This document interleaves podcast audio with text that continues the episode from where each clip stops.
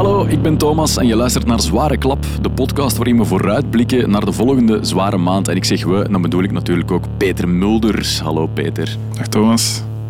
We geven altijd een maandoverzicht hè, van wat er op je showkalender moet, uh, welke dingen je moet gezien hebben in september. Ik vind dat altijd heel, heel leuk, want ik ontdek daar ook heel veel nieuwe dingen door. Uh, we doen dat niet alleen, we doen dat altijd met twee en er komt nog wat volk bij.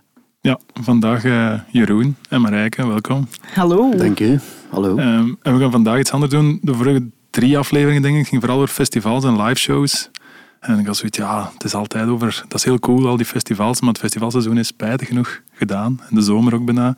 En er komen heel veel nieuwe platen uit in september. En uh, we gaan eens zien wat er allemaal uitkomt. Ja. Want uh, de zomer is voorbij, maar hoe was uw augustus? Mijn augustus, dat was eigenlijk ja, de, de drukste maand voor Psychonaut dan, uh, specifiek. We hebben gespeeld op Campo Solar. Helemaal uitgeregend, maar wel onlangs nog verkozen op de socials van Studio Brussel de, voor, voor mooiste festivals zitten. Dat is ook wel zo heel verspreid. Ze waren ook goed voorzien op het slechte weer. Overal houtsnippers. Dus het was niet zo zompig, alleen in de backstage wel. Dus wij stonden met ons voeten in de modder. maar ja, ik vind het dan beter. Liever dat het publiek een beetje safe zit en dat wij dan maar een beetje harder moeten afzien. Voor de rest superleuke show. Mooi aangekleed. Uh, daarna ook Lokerse feesten. Ook heel een bangelijke show. Dat was dan binnen in de Club Stubru. Uh, en blijkbaar stonden er nog 200 wachtenden buiten. Dat vind ik altijd flatterend als ze dat komen zeggen aan de show. Van, amai, het was packed. Het zat helemaal stampensvol. Dat is volgend jaar aan de mainstage. Voilà. Hey, kijk, blij dat jij het hebt gezegd. uh, ja, en dan Wilderock ook. Dat was zo meer een familiefestival. En dat was precies die generale repetitie naar Alcatraz de dag erna. Uh, en dat was voor mij dan persoonlijk, voor Psychonaut, uh, vond ik het hoogtepunt van onze zomer toch wel. Stampvolle Eldorado, ik denk 6.000, 7.000 man of zo, die tent. Um, die aan het meezingen waren uh, met onze muziek. Ze doen dat altijd wel over die intro van The Fall of Consciousness. Ja. Maar nu was het ook over, de, over het solo-stuk. Zo. Terug dat handgeklap, zo mega luid. En dan waren ze mee, hey, hey, hey. Het was zo... Ik, ik vind niet dat wij een typische metalband zijn of zo. En ze moeten echt niet altijd moshen en hey, hey, hey doen en zo. Maar als ze dat dan doen, ik ga het eerlijk bekennen, ik heb tranen in mijn ogen gehad. Ik stond zo naast de Stefan, die begon zo te soleren.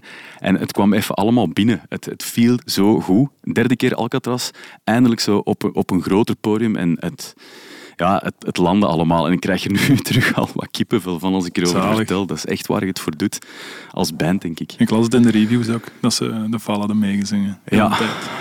Cool. Ja. Als dat een review haalt, dat is het ook al wel uh, shit. Dan is het echt gebeurd. Voilà, inderdaad. Ja, en veel sterren gekregen ook. Dat is ook altijd heel plezant. En dan moest het zotte nog beginnen. Daartussen even thuis familiemomentje gehad. Mijn twee dochtertjes waren jarig. één en vier. Uh, Aagje en. René. Uh, twee, Fleddy had ook twee dochters. Hè. Ja, maar wel iets ouder. Ja, ja alleszins heel gezellig familiemomentje gehad. Uh, om dan terug op tour te vertrekken. Uh, Pukkelpop, Motocultor, Arctangent. Jij hebt die ook gespeeld, hè, Peter, maar in een andere volgorde. Andere volgorde, ja. We hebben zo achter elkaar gereden, precies. Altijd, Ja. Op een andere dag. En ook problemen gehad, zoals schillen. Nightliners, hè, man. Om prullen zijn dat eigenlijk. Allee, die van ons was toch echt een prul. Ja. We, hebben, we zijn in pannen gevallen in Engeland en net op de boot geraakt, er net terug afgeraakt. En dat was veel stress, want als je vastzit tussen, allee, op de ferry tussen Engeland en Frankrijk in die douanezones, of dat, als je daar ergens stilvalt, dan... De Warehouse zit dan een keer voor gehad, zonder naft gevallen daar. En uh, die verhalen daarover, dat is heel moeilijk om er weg te geraken. Omdat niemand kan je komen takelen, want je moet dan een ticket hebben of weet ik veel wat. En uh, we hebben juist in Frankrijk geraakt en dan hebben ze ons opgepikt uh, om dan een pukkelpop te rijden. En alles moeten laat. Dan, Ja, alles moeten overlaten, Oh. alle pers moeten verzetten. Jongens, Maar ik zal ja. Voilà, nee, ik heb het nu al verteld. Ik niet zo vertellen. Dat was er gebeurd op Pukkelpop. We hebben iets soortgelijk meegemaakt. Zo net de laatste ferry gehaald, achter ons dan de deuren en dan in die bus, die heel brak was, niet meer kon optrekken op de bergjes en dan twintig minuten voor showtime aangekomen op Artengent. Opgebouwd, die crew heeft zot hard meegelopen en dan toch onze show kunnen spelen zoals het moest. Eh, maar dat was wel zot stressje. Uiteindelijk ga je het altijd wel door. Hè. Allee, dat is de bedoeling. Hè. Ja, dat je ik de show echt wel schrik. Ik bedoel, een kwartier, twintig minuten voordat je show moet beginnen toekomen. Ja, begint maar. hè. Ik denk dat jullie er wel van kunnen meespreken. Bands zijn normaal uren op voorhand daar. Eén, om je mentaal te preppen. En twee, om je show voor te bereiden en klaar te zetten met al je grief. Dat ging nu gewoon niet. En dan zie je toch maar dat dat dan ook, ook gaat. Hè. Je probeert altijd alle omstandigheden naar de show zo ideaal mogelijk te halen. Drie uur op voorhand daar en de tafel leggen en rustig kunnen chillen en dit en dat en opwarmen. Maar als je gewoon moet spelen, dan is het gewoon gaan en, en dan gaat het ook. Ja, dat is waar. Dan Voilà. doe het. Voilà. dat was het zo. En dan ja, afgelopen, ja, nee, maandag 28 eh, augustus was dan eh, de eerste zwaarste show. Dus ik ben ook weer begonnen op de radio. Tussen 9 en 11 elke maandag kan je de beste zware gitaren daar eh, beluisteren. Was een hele coole, eh, want er zat onder andere ook eh, een, een hele speciale track in. Hmm. Dat heb ik al is gevraagd om even klaar te Is dat zetten. klaar? Fat Dog heet het.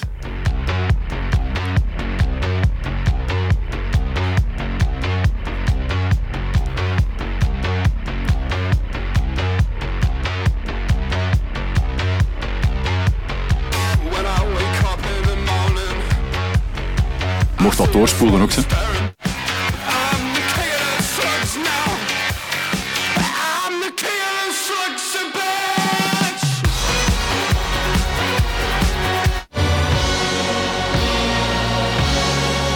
Eh, Zeven minuten lang. Epic shit. ik sap nog wel.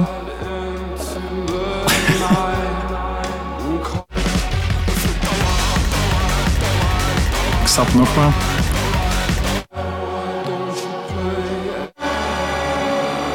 Zo van dat. Ja, zeven minuten lang. Dus we hebben echt getwijfeld om erin te steken, maar ik ben blij dat we het gedaan hebben. Volg dat ze. doen. Fat. Dog. Ze spelen ook eh, binnenkort in ons land. In het begin dacht ik zo, het is Viagra Boys. Het eerste.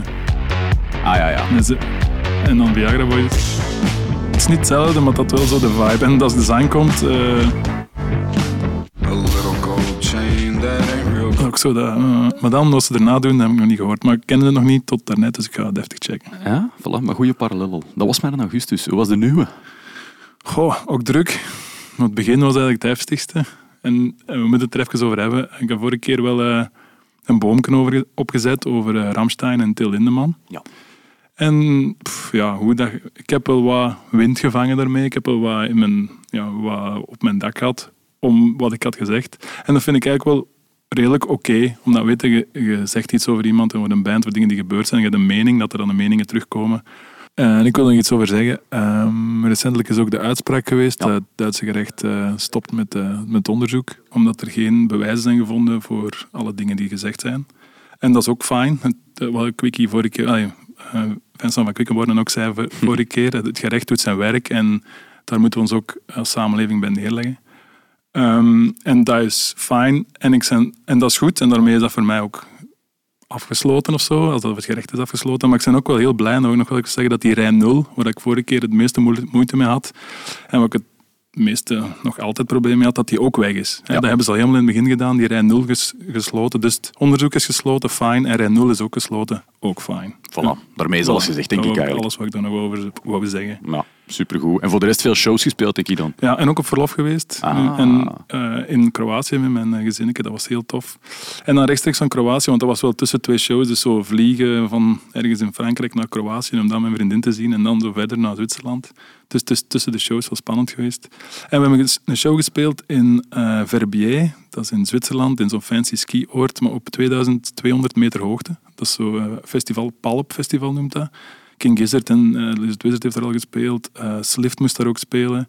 En dat is echt heel zot. Ik had al zien voorbij komen op social media. Ik, had, ik volg dat festival al. En als die vraag binnenkwam, had ik zoiets van... Ja, ja, dat moeten we doen, dat moeten we doen. Dus je moet je dat inbeelden. Dat is echt in Zwitserland, in de bergen. Je moet echt... Je, eh, je mocht je bus bijna niet zelf... Je aanhangwagen wordt naar boven gereden door lo- een local met een jeep, omdat je dat anders niet naar daar krijgt. Je slaapt in een, in een chalet, in een berghut, en dan trekken ze je naar boven. En dan alle mensen die komen, dan mocht 500 man naar boven. Die worden dan in shuttlebusjes over zo'n geitenpad helemaal naar boven getrokken. En dan, volgens onze geluidsman, was het de beste klank ooit. Omdat je staat echt, de foto's zijn echt zalig. Je staat daar op een weide, op de top van een berg, bij zo'n meertje met een berghut van de klimmers. En je speelt daar gewoon in het gras op de grond, dus show. En dat was echt zalig. Dat is zo wat amfitheaterachtig. Je staat in een kuip eigenlijk en alles galmt En mooi. die bergen en de sneeuw konden gewoon zien. 2200 meter, dat is wel wat. Dat was cool. En dan Alcatraz kwam er vlak achter. Dat was ook heel cool. Ik denk ongeveer hetzelfde wat jij net vertelt over Alcatraz. Kippenvellen. ja, speciaal festival ook. Heel cool festival. Hele drukke dag wel. De quickie ook tegen het lijf gelopen. Je was erbij. Dat was wel een speciaal moment ook. En het enige nadeel, te weinig andere bands kunnen zien. Want omdat je zo bezig bent met dat is altijd op festival. Je, wilt, je kunt er dan zo ene meepikken, misschien twee. En dan is het weer voorbij. Dan is zo, die, die, die zes uur op dat festival, dat is zo rap voorbij. En dan het weekend wat ik juist doorsprak met uh, Pukkelpop, Act en Gent en eh Motto Cultuur, wat was het festival in, eh, in Frankrijk. Die drie die jullie ook gedaan hebben Ja. in andere volgorde. Ja, veel stress, pannes, eh, maar overal geraakt. Voilà. Dat is het belangrijkste. Hè? En de, de Pukkelpop Show, want ehm, daar wil ik misschien nog iets over zeggen, dat was echt in de marquee. En we hadden een hele chique spot en ik was daar heel blij op. En dan, zo, je speelt de vierde keer Pukkelpop en je kunt zo altijd blijven. Wij zijn daar goed in, vind ik zelf, om zo de underdog te zijn. Van, oh, we zijn blij dat we hier mogen spelen op Pukkelpop. Maar na de vierde keer vind ik niet meer dat je dat, dat, je dat kunt zijn. moet je Allee, dat pakken, Dan moet je dat echt pakken en je moet echt zeggen, fuck, we komen hier gewoon rocken. en dat was echt zo, ondanks de stress, hebben we wel, wel geprobeerd om te doen. En, ehm, en dan hoor ik eh, Cedric Maas van Radio Willy. Ja. Die had een heel goede review gedaan van heel veel optredens. Eh, Credits naar Radio Willy. Ik weet niet dat dat mag, maar ik doe dat toch. Ehm, Als ik je het goed vond, vond het goed. Ik vond het heel chic hoe dat eh Mannelijk Meuris en eh, Cedric Maas en eh, Andries. Andries ehm, de, eh, Andries van Welkom to de EE en van Radio Willy, hoe dat die direct na de show buiten aan de tent hun, hun gedacht gaven over die show en daar onderling over babbelden. Ik vond dat een cool format. En ze deden dat over heel veel shows. En Cedric Maas eh, van El Guapo Stunt Team en de Sore Losers ehm, zei over ons specifiek, het leek alsof het hun niks meer deed dat ze ehm, op Pukkelpop stonden. En ik ben blij dat hem dat zegt, want dat wil zeggen dat, we, dat, dat het leek alsof het een gewone show was. Maar het was niet waar, het deed wel iets. Het deed echt wel iets. We hadden wel echt, het was echt een heel speciale show voor ons. Ja. En dat komt misschien zo niet over, maar zowel voor de show als tijdens de show is Pukkelpop spelen op die spot toch nog echt speciaal. Specialer dan Palp Festival of dan Arctangent of zo. Het is in België, die tent staat vol, het is echt wel speciaal. En ik heb confetti gezien. Ja, ja, confetti gedaan. Ja, voilà. Eh, Wil je daar een vraag over ik stellen? wou vragen, hoe, fixte, hoe fixte zoiets? Was dat uw idee? Eh, dat was het idee van de, in een band. Van, ja, Ja, ja, ik weet niet, ja, niet nee. mijn persoonlijke idee, ik weet niet meer van wie dat, dat kwam. Hoe fixte zoiets? Je, ze- je zegt gewoon dat je dat wilt en in Pukkelpop eh, staat dat gewoon beschikbaar, zoals de pintjes. Dus daar zit een firma die dat al heeft en dan kun je gewoon zeggen... eh, Het is niet dat je dat met een perforator gewoon zo doet. Ja, het is wat Thomas eigenlijk wou weten. Ja, dat is dat. Ik denk, Freddy, Gillen hebt ook al zo'n tour gedaan. Hè? Wat blieft? Welkom trouwens, hè, Jeroen. Ja, dank u, Ja. Maar jullie hebben ook al wel zo'n tour gedaan met Freddy Mercury op podium. Zo wat, wat slingers, toeters en bellen? Of eh, valt dat allemaal wat mee? Eh, van die confetti, slingers en dingen dan niet. Eh, We beperken het tot eh zotlicht en, en Ja. gijzers en van die dingen. Pyro, pyro al gedaan? Pyro, nee, dat nog nooit gedaan. Je mocht dat ook niet overal. Zo, ja. Maar dat, wat nog niet is, kan nog komen. Voilà, voilà, voilà. We wilden zo geen pyro doen en daarom is het confetti. Ja. Voilà. Voilà, en zo zijn we onze eerste gast er al aan bij betrekken. Freddy Mercury, Yes. welkom. Dank u. Moeten we nu Jeroen zeggen of Freddy? Zeg maar Jeroen. Ja, dat is toch iets het persoonlijker. neutraalste. Ja, Jeroen, eh, het is ook niet alleen maar Freddie Mercury. Ik zie hier Coffin Feeder, Angel Crew. Je, je speelt ook heel veel DJ-sets. Mhm. Je gooit zo vaak ook van die mashups online, vind ik wel grappig. Waar je, ik zeg maar iets K3 en Metallica combineert Ja. in iets mega funny. Werkt altijd supergoed. Ik, ik moet er spontaan altijd... Ja, ik lig altijd strijk eigenlijk als ik zo'n dingen zie. Dus je doet dat supergoed. Eh en dan ooit wel met Urbanus ook vaak op podium gestaan. Ja, ehm, ja, vlak voor het Fleddy-verhaal eigenlijk Ja. eh, heb ik dat gedaan. Drie tours lang. Urbanus en de Fanfare. Daar 80 shows of zo mee gespeeld. Tot Ja. op Pinkpop zelf. Ja, dat was heel cool. En, en daarvoor nog de fanfare. Hè, want De zo, fanfare zo heb ja. ik Jeroen leren kennen van op podium. Bij ik denk bij een Circle Show ooit. Ja, Dat de fanfare ook moest spelen. Als ik, als ik dat me goed herinner. ja. En dan zo... Want ik heb ook nog samen met. Jeroen in een band gespeeld. Daar wou ik nu toe komen. Jullie hebben gewoon samen al op podium gestaan in dezelfde band. Ja, met. Stefanie op drums. Hè. Refused Party Program. ja, dat is ondertussen 12 jaar geleden of zo. 13. Amai. Ik voel me oud. En eh, ja, dat was een Refused tribute band. was heel cool om te doen. Totdat de echte Refused terug uit de assen verrezen. En dan hebben we gezegd, dat is belachelijk als we dat nu nog voortdoen. Want een echte Refused bestaat eh, terug. Terwijl in Dus- deze tijd zou dat niet meer belachelijk zijn, want er zijn eh, coverbands genoeg van nog bestaan, of tributebands van nog bestaande bands. Maar wij hadden, we hebben toen wel lang gerepeteerd. Hè. We hebben denk ik langer gerepeteerd dan we ooit zijn gaan spelen.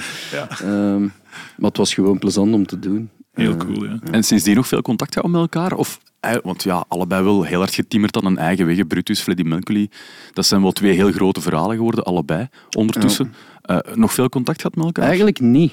Ehm, eh, vooral om, door het feit dat, dat we alle twee heel veel eh, hebben gedaan en altijd on the road waren. Brutus bestaat langer als Fleddy. Ehm, maar ja, we zijn elkaar wel een paar keer tegen. Ik kan me nog herinneren, zo de eerste keer dat we in Tepo speelden in Leuven. Ja? Dat was een sold-out show. Ik weet niet of je dat nog weet. Jij waren toen stond, jij stond op onze guestlist en jij waart komen kijken met drie. Ah, nee. En ik kom dat podium op en ik, het eerste dat ik zie is gans van achter in de zaal Brutus die naar ons aan het kijken. Maar van achter zo op die zeteltjes dacht ah ja, vleeskeuring of wat. zo. Ah, ik weet dat wel nog, die show. Ja, dat Ja, was ja, in ja. 2016 of zo. Ja. En daarna na de show nog zo... "Yo, is op, ah." Ja, ja. Ja, dat is wel, allee, ik vind dat achteraf gezien wel cool als je zo ziet, die Refused Party programma, wat dat er daarna zo is uit voortgekomen. Of hoe moet je dat zeggen? Ja. Dat is, eh, dat is- Ja, iedereen heeft zijn weg of zijn geschiedenis of zijn bandje, zodat hij mee ingezeten. En je pakt dat mee along the way en dan komt elkaar er nog eens tegen. Sommigen ook niet, want Mhm. de gitaristen van... Ja, ah ja, Ed speelt nog in de All-Star Wedding Band. Ja, juist, ja. Elon speelt niet meer, denk ik. Dat was de andere gitarist. Maar daar staan dus nog filmpjes van op eh, YouTube, heb ik Oh, ook eens ja. gezien. Ja. Eh, dat is kei funny eigenlijk om terug te zien. Want voor mij was dat, en dat is eigenlijk een beetje dankzij Peter, eh, dat was de eerste band waar dat ik dat ook in deed met, met mijn stem. Want ik wist, allee, ervoor was dat gewoon zingen.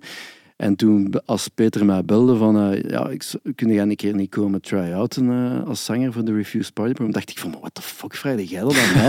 ik heb dat nog nooit gedaan. En zijn antwoord was toen, ja, maar ik heb gezien dat je een t-shirt van Refused hebt. dat, is, dat is de reden of wat? En dan ben ik komen repeteren en dat zat wel eh, direct Ja, goed. En, het deed en- dat echt goed. En dat is echt moeilijk, want het is en zingen, en de attitude, Ja. en de intonaties van Dennis, de zanger van Refused, en het scream. En Jeroen ging er echt... En je weet, als je in een band bent, je zanger is heel belangrijk. En zeker als je een tribute band doet, ja, je, moet, je moet er wel staan. Je moet dan niet gewoon komen coverken spelen. Zo. En Jeroen pakte dat echt wel, dat moment. Dat was Ja. heel cool. Cool shows gedaan. Maar dat is nu op het podium ook wel nog altijd, vind ik. Ik vind dat je heel veel charisma hebt, zo, eh, Jeroen. En, en, en dat, is dat dan daar zo wat ontstaan, zo, dat frontmanschap? Ja, bij de fanfare had ik dat ook wel, maar bij Fleddy en bij Refused Par- Party Program, je staat daar ook naakt. Ik heb daar geen gitaar eh, om. En dan, ja, je hebt daar een micro vast en je moet het dan ook maar aan, aan elkaar lullen en zo. En zeker in het begin met Fleddy, omdat dat zo snel is ontploft, wij werden dan gevraagd om shows te gaan spelen. En zijn dat shows van, van drie kwartier. Maar wij hadden een half uur muziek. Eh, ik bedoel, ik heb dat echt moeten voor, tot 45 minuten vol moeten lullen. Eh, we hebben zelf een tombola gedaan in het eerste jaar dat wij deden om, om de tijd te rekken. Zo. En, en ja, het is vandaar zo een beetje gekomen. Ik vind het ook wel belangrijk dat dat, zo, dat, dat showgehalte wel zo erin zit. En, Ja, ja. Ja, ik heb u nu ehm, deze jaar gezien op, eh, bij uw release show in de Kafka. Ja. En eh, ik dacht toen wel van, wow joh, keigraaf. Ik had jullie op Graspop al gezien, maar nu was dat wel zo, ja, dat staat in de fotopit en dan denkt hij, let's go. Alright. En misschien nog een eh, fun fact. Ik heb doorgekregen dat uw foto, uw profielfoto op Facebook, is mijn foto. ik heb die genomen. Inderdaad, ja. Ik zag dat onlangs ook zo. Eet je die foto's? Ja, zo ja, nu en ik ook, dacht yes! Dan weten dat je het goed gedaan hebt. Voor alle duidelijkheid, credits dus van Marijke Krijnen, Ja, hier ook eh, bij ons aan tafel. Welkom. Dankjewel, dankjewel. En eh, ja, het is heel grappig, we waren net bezig, Peter en Jeroen die zijn zo wat even oud. En dan keek ik en dacht van, zijn wij ook ongeveer even oud? En dan heb jij je geboortejaar gezegd. Ja, ja, 2001. Hallo. Oh, 22 shit. jaar. Ja, ik, ga- ik zeg meestal gewoon mijn leeftijd. En als je zegt 2001, zijn mensen echt zo, maar je bent vorig jaar geboren. En ja, dat is niet. Eh, maar ja, 22, hè, ja, ja. Ja, en ja, je, je zit hiermee aan tafel gewoon omdat ik u heel vaak ben tegengekomen. Deze. Ik ben twee keer zo oud. Ik ook. Ik ben echt dubbel zo oud. Snelle calculatie, ja, dat is gek. Ja, we zijn elkaar eh, van de Ja. zomer een paar keer tegengekomen. Zeker. Ehm, wel funny, want ik had ehm, in juni begon het festivalseizoen een beetje en ik zag zo mijn vrienden op festival staan en ik, ik had echt zieke FOMO. Ik dacht, ik heb geen enkele fotopas geregeld, dus ik ben eigenlijk iedereen beginnen sturen. En dan ehm, ja, mijn eerste festival, ja, dus mijn eerste festivalzomer. Ik ben begonnen in eh, Nederland op Pitfest en ik ben geëindigd in Zwitserland op eh, Riverside. Dus ja, ik heb dat wel goed gefixt dan. en ehm, ja, Lokerse feesten hebben we elkaar gezien. Ja. Daar ehm, had ik geen fotopas, heb ik gewoon gechilled. En aan Alcatraz. dus ja, ik zeg, het was een zotte zomer, mega blij, heel veel geleerd. Ik heb zowel mediateams gedaan als eigen eh, fotopassen, als een keer, twee keer met Steak meegegaan. Dus ja, heel veel geleerd, veel gefilmd. heel content van hoe dat gelopen is eigenlijk. Ik zou het volgend jaar nog wel eh, eens willen doen. Sowieso bij deze. Voilà. Ja, voilà. Het is een, aan alle festivals, als jullie nog iemand zoeken. Dit is een oproep. Nee, maar je doet je werk echt wel heel goed. En eigenlijk, eh, eh, de eerste keer dat ik u leerde kennen was op Graspop Metal Meeting. Ik weet niet of je dat nog weet. Wacht, hè. Gras dit jaar. Ja, ja, ja. ja. Ja, ik was daar als bezoeker. Wanneer Ja. welke? Ah, jawel, jawel. Je Ja, hebt een. Alex geïnterviewd. Inderdaad, Ja, ja, ik zag dat. Alex Agnew op de wei was en ik dacht van, we moeten die hebben in de Studio Brussel Studios. ja. En dan heb ik liggen sturen met u, nee, niet Nee, met, met u, Andries. met Andries was dat inderdaad. En die zei van, ja, hij komt met Marijke, eh, komt hem naar de studio. Ik zo, Marijke, wie is Marijke? Ik Jij dacht, kende mij nog niet, nee, ik dacht dat dat dus de vrouw van Alex was of zo. Want Ja, jullie, dat gebeurt ook zo. Dat vind ik al en jullie moesten dan door naar De Bas, hè, want, Ja, want die ja. speelde dan eh, Bruce Springsteen eh, Ja. diezelfde dag. Dus jullie reden dan door. Maar ik zei van, alleen nog vijf minuutjes. En dan zei hij, ja, hij komt af met Marijke. En dan heb ik u dus voor het Ja, eerst ja, gezien. juist, juist, Je hebt juist. samen met Wim Wilry, dan, Ja, de ja. journalist, zo'n weggebaand door de weires van Ja. Graspop. Heel snel naar de studio gekomen. En daar heb ik dus u voor het eerst ontmoet. En dan leren, ja, u, u leren kennen als medewerkster van de podcast. Welcome to the EE. Ja, zeker wel. Maar je zegt het al zo heel... eh, Ja, ik ben echt mega trots dat ik daar wel mee, mee mag samen. Wat is uw rol er eigenlijk in? Dus de magie komt niet alleen van Alex en Andries, van Welcome to the EE, maar, maar jij zit daar mee achter de schermen. Ja, dus ik ben daar eh, begonnen als stagiair vorig jaar, 31 januari denk ik. En ehm, ja, wat ik nu eigenlijk vooral, voornamelijk doe, is de socials. eh, dus alle clipjes maken, alle fotocontent en dan de volledige podcast editen.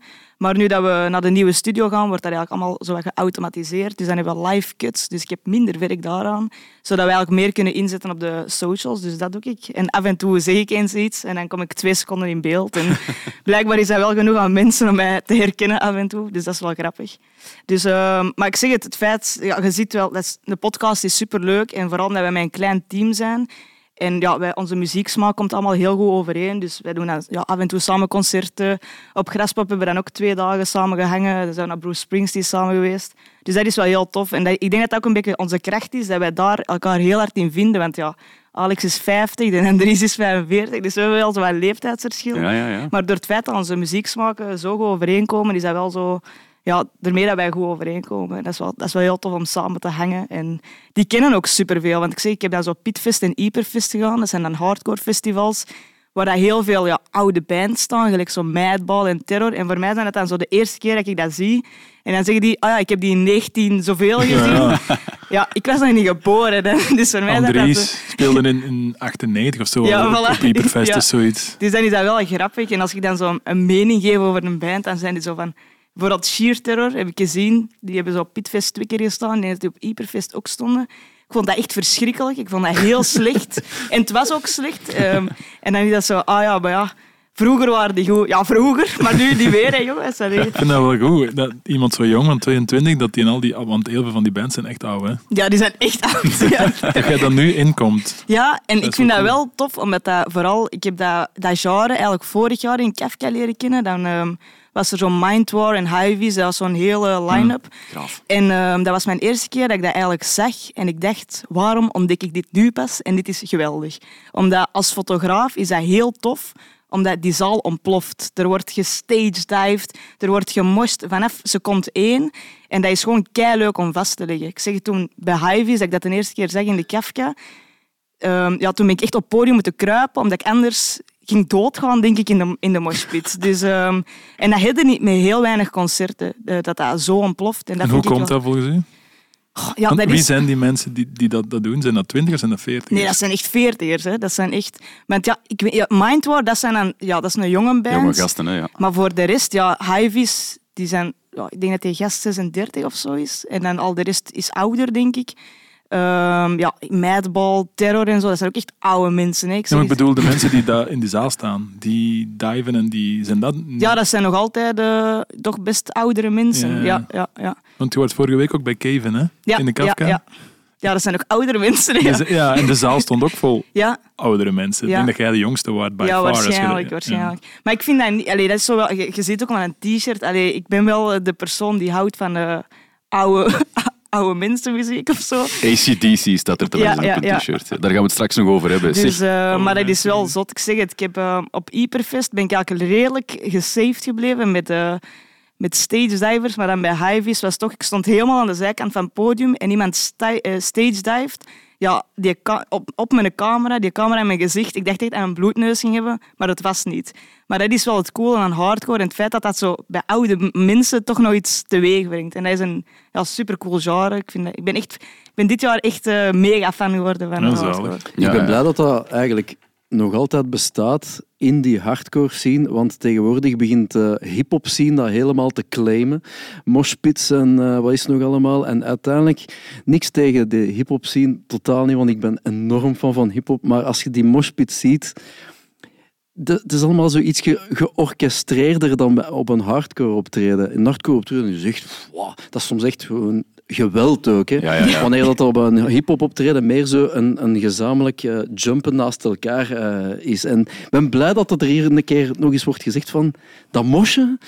En Dat dat, mag. dat, dat is nog altijd iets. Ja, bij Terror Van- bijvoorbeeld, van nu, bij, bij Alcatraz was er zo'n gast zo in die palen gekropen, maar echt tot van boven en dan eraf gesprongen. En dan dacht ik echt, wow, dat is toch, dat zit er nergens, dat zit er echt nergens anders. Jawel, op Groesrock zag je dat ook. Feet Toen Groesrock eh, nog bestond. eh, eh, van die dingen. ja. Het is ja, top, top genre. Voilà, ik denk dat we hier een tof panel aan de tafel hebben om eh, het over september te hebben, want we gaan weer vooruitblikken hè, naar de komende maand, eh, wat er allemaal op staat. Peter heeft het daar straks al even gezegd, de festivalzomer is min of meer achter de rug, mogen we wel zeggen. Dus die clubshows die gaan terug volle bak opstarten. En er zijn ook altijd heel veel releases in september. Met name vooral op vrijdag, New Music Friday is dat dan, dat is zo een begrip. Maar die releases, hè, Peter, het is zo. Hè. In september is het druk, hè, altijd. En ik, was zo aan het opzoeken wat het allemaal was. De lijst is eindeloos. En we hebben er een paar uitgepikt voor nu. Maar ik vroeg me ook af, waarom is dan nu september? Allee, ik vraag het me af, maar ik weet het ook een klein beetje. En iedereen weet het wel, denk ik. In de zomer ligt alles plat. Dus in, in, in juli en augustus zit iedereen, elke journalist zit op de festivals of op vakantie. No offense, iedereen gaat op vakantie. En eh, in juni is dat ook een beetje zo. En met Brutus vorig jaar, aan de hand daarvan wil ik het een beetje proberen uit te leggen. Dat is ook niet hetzelfde. Dus in Amerika dan in Europa, dat wil ik eigenlijk zeggen. In Amerika is dat dus niet.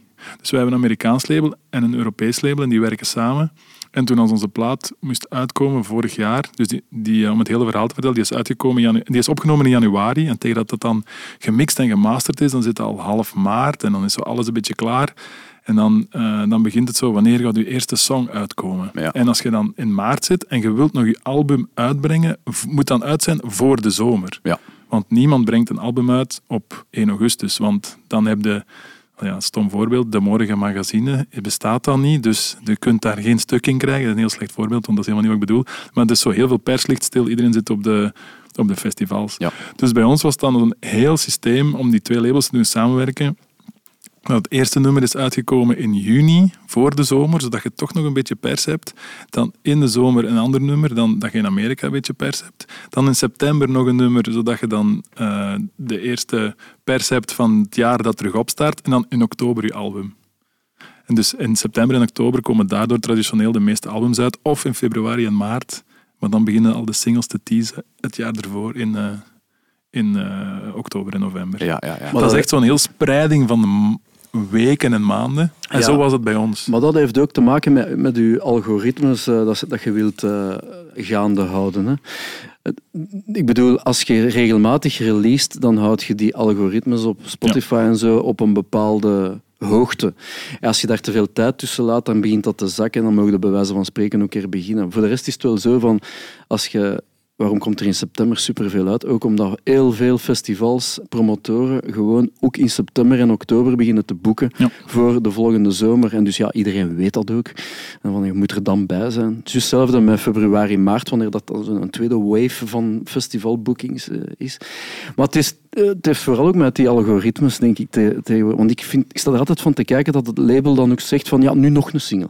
Ja, Ja, bij ons waren het, zo. bij ons waren het vier songs voor de plaat. En wij hadden ook zoiets van, amai, en we hebben er ook berichten over gehad. Amai, je hebt heel je plaat al Ja. weggegeven voor maar uit. Dat werkt het beste tegenwoordig. Doen dat ook. Ja. En het ding is, ze hebben mij dat uitgelegd, want ik moest daar ook in de band over babbelen. En dan was het van, waarom zijn dat vier songs? En, en welke vier dan? En dan moet er dan nog een harde of een zachte. Dat, zit, dat wordt echt... Allee, we zijn er echt wel mee bezig om, hoe, om dat goed te doen. En het label heeft dat zo uitgelegd en toen snapte ik het ook. Dus als je een plaat release en ze bikken like stenen en in het water smijten. Dus als je ene steen in de, in de vijver smijt eigenlijk, dan maakt dat kringetjes en golfjes en dat is wat dat je wilt. En dan, ga je een tweede steen, en dan wacht je tot als die golfjes weg zijn en dan smijt je een tweede steen. En dan wacht je tot als die golfjes weg zijn. Maar als je heel je emmer met stenen in één keer erin gooit, dan zijn al je golfjes even snel weg bijna en dan is het gedaan. Mooie Dus- vergelijking. Dus daardoor wordt dat zo geteased en, ge, en ge- getrokken en gedaan. Maar tegelijkertijd vind is dat ook wel heel ambetant, want je neemt een plaat op in januari, je komt de studio uit en 21 oktober is het te koop. Dat is echt...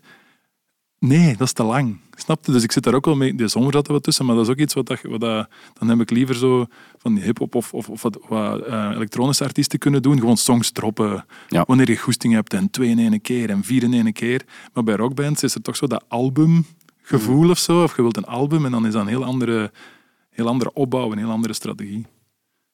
Dus ja, lang verhaal om te zeggen dat september veel platen heeft. dat er in september veel platen uitkomen. Nee, het is zo. Maar Jeroen, ja, jij bent er ook wel echt mee bezig. Ik denk dat jij ook bijna... Of zeg jij fulltime muzikant? Ja. Oké, dus dat wil zeggen dat je ook met die algoritmes, dat je er ook dingen hebt over opgezocht, dat je weet hoe dat zo'n dingen werken. September, hoe belangrijk is die maand voor u dan als voltijdsmuzikant? Ehm, als je juist een plaat uit hebt of je gaat een plaat uitbrengen, is het toch wel best dat je in september of oktober zeker daarvan iets lost.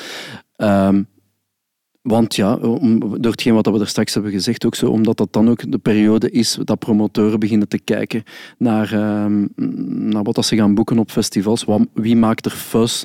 Eh, wie gaat er de moeite zijn? Met wie gaat er mee iets afkomen? En daarom is, is eh, september een, belangrijke release maand. Die zomer ligt, zoals dat Peter zegt, op zijn gat. Ehm, het is, tegelijkertijd is het ook wel druk dan, hè? want iedereen wil natuurlijk iets Ah, hebben. wel, dat is het ja, een beetje. Je het moet dat, het maar verschil het is, kunnen maken. Het is tegenwoordig buiten dan misschien de zomer gewoon altijd druk qua release. Heb ik de indruk tegenwoordig. Het is altijd wel bijvoorbeeld een datum prikken voor uw full album uit te brengen. Dat is echt gokken en hopen dat er geen Metallica of, eh, of Megadeth of Slipknot ook met, met een harde plaat afkomt. En dat, in ons geval nu met de laatste Floody-plaat was dat echt zo van... We wisten dat Metallica met een plaat ging afkomen. Dan hadden we gezegd, ja, 31 maart eh, prikken wij eh, onze release datum en dan hopen dat Metallica met niks afkomt. En dan was dat zo, wanneer dat dan nieuws van Metallica kwam, zo 14 april, zo van, yes, zo plat in de paasvakantie, wanneer dat we dat nooit zouden zetten. Zo. Maar, Ja. Dus ja, En ook voor Metallica, dat was wel ook goed voor eigenlijk. Metallica. Ja, ja, Dan ja. hadden we ook zo nog zo de, de boekjes die dan u konden belichten eh, Ja. in maart. En dan april was dan toch alles voor Metallica. Dus, ja. Ja. dus ja, je Zot, zit er wel wat mee bezig. Het is zot hoe dat die PR eigenlijk daar rond, dat dat toch... Allee, als het vooral over releases gaat, is dat toch wel een heel gepuzzel. Wat Maar dat- het zotte is dat in vergelijking met zeven jaar geleden was ik daar totaal allemaal niet mee bezig. En wist ik dat ook allemaal niet, maar dan was dat zo de platenfirma ook van ja, we moeten zien dat eh, voor, voor Spotify dit en Spotify dat, dat ik zoiets had van, wat, wel, ja, dat kan mij geen reet schelen. Ik bedoel, maar nu snap ik het wel en dat, is gewoon, dat heeft allemaal te maken met gelijk, ja, die golfjes gelijk dat je zegt, en je moet het allemaal maar weten. En je, als, als band kun je daar bijna niet meer... Je kunt het niet maken van daar niet mee bezig te zijn, bij wijze van En, spreken. en je wilt dan zoiets doen, want we zitten aan het repetitiekot, we denken, we gaan gewoon een song gewoon droppen. En we gaan niks teasen, gewoon bam. En dan begin je daarover door te denken en door te denken. En dan, weet je, ja, dan schieten we een klein beetje in onze eigen voet. Bij Dan- sommigen werkt dat wel echt. Hè. Bijvoorbeeld, ik, Ja, ik, Als je is- groot genoeg bent Ja. en je hebt al die dingen er rond niet meer nodig. Ja, bijvoorbeeld, allee, het is geen eh, metal, maar NF, dat is zo'n hip-hop eh, ding. Die, die post eigenlijk niks. En dan een week voor zijn album dropt hij wat tweets en een volledig album uit. Ja. En dat werkt ook wel en dat is wel cool. En de weekend had een tijd ook eh, een keer iets, een paar jaar geleden ook twee singles na elkaar. Dus je dropt een single en dan gewoon de volgende dag nog een. Haha. maar dat, dat, en ook heel veel van die releases, dat komt gewoon. Dat, iedereen weet het. Op de redacties, iedereen weet het, maar niemand mag er iets over zeggen. En er komt iets, maar ze weten niet goed wat. En dan in één keer bij hem. Maar die band zijn we nog niet. Allee, geen van ons nog niet, denk ik, die zo'n dingen kunnen poelen. Dat kun je eens proberen. Maar alle gekheid op een stokje, 15 september, nieuwe single van Floody. ja, Ah, voilà, kijk. Zie, maar dat wou ik dus nog vragen. Ik vraag dus aan u, hoe belangrijk is september voor u? Hopla, aankondiging. Oh, ja. 15 september dus. Oké. En, en dat is dan zoiets los uit de pols? Of? nee, dat is, dat, dat is een een remix van een eh, nummer van het laatste album. Oké. Dus, eh, maar dus ja, ook weer september, hè, ja. Ja, En een vrijdag. Want er had ook zo op Spotify zo Release Friday. of New waar- Music Ja. Friday. New Music ja, Friday. is nog zoiets. Ja. ja. we hebben een paar eh, releases klaarstaan trouwens van in september. Die Ja, we ja, ja, ja, we kort even willen bespreken. Zo. Gewoon om ook wat muziek in onze show te steken. Hè. Een beetje, hè. in onze podcast, beter gezegd. Ik ging eerst doen. Het ja. Je Ja, ja, ik Wat ken staat er op uw kalender? Ik heb een band gezien in de zomer, eh, die noemt Empire State Bastard. Dat is eh, de zanger van Biffy Clyro, waar ik al heel lang fan van ben. En dan na een tijdje weer niet meer, omdat ze ja, de mij een beetje kwijt waren.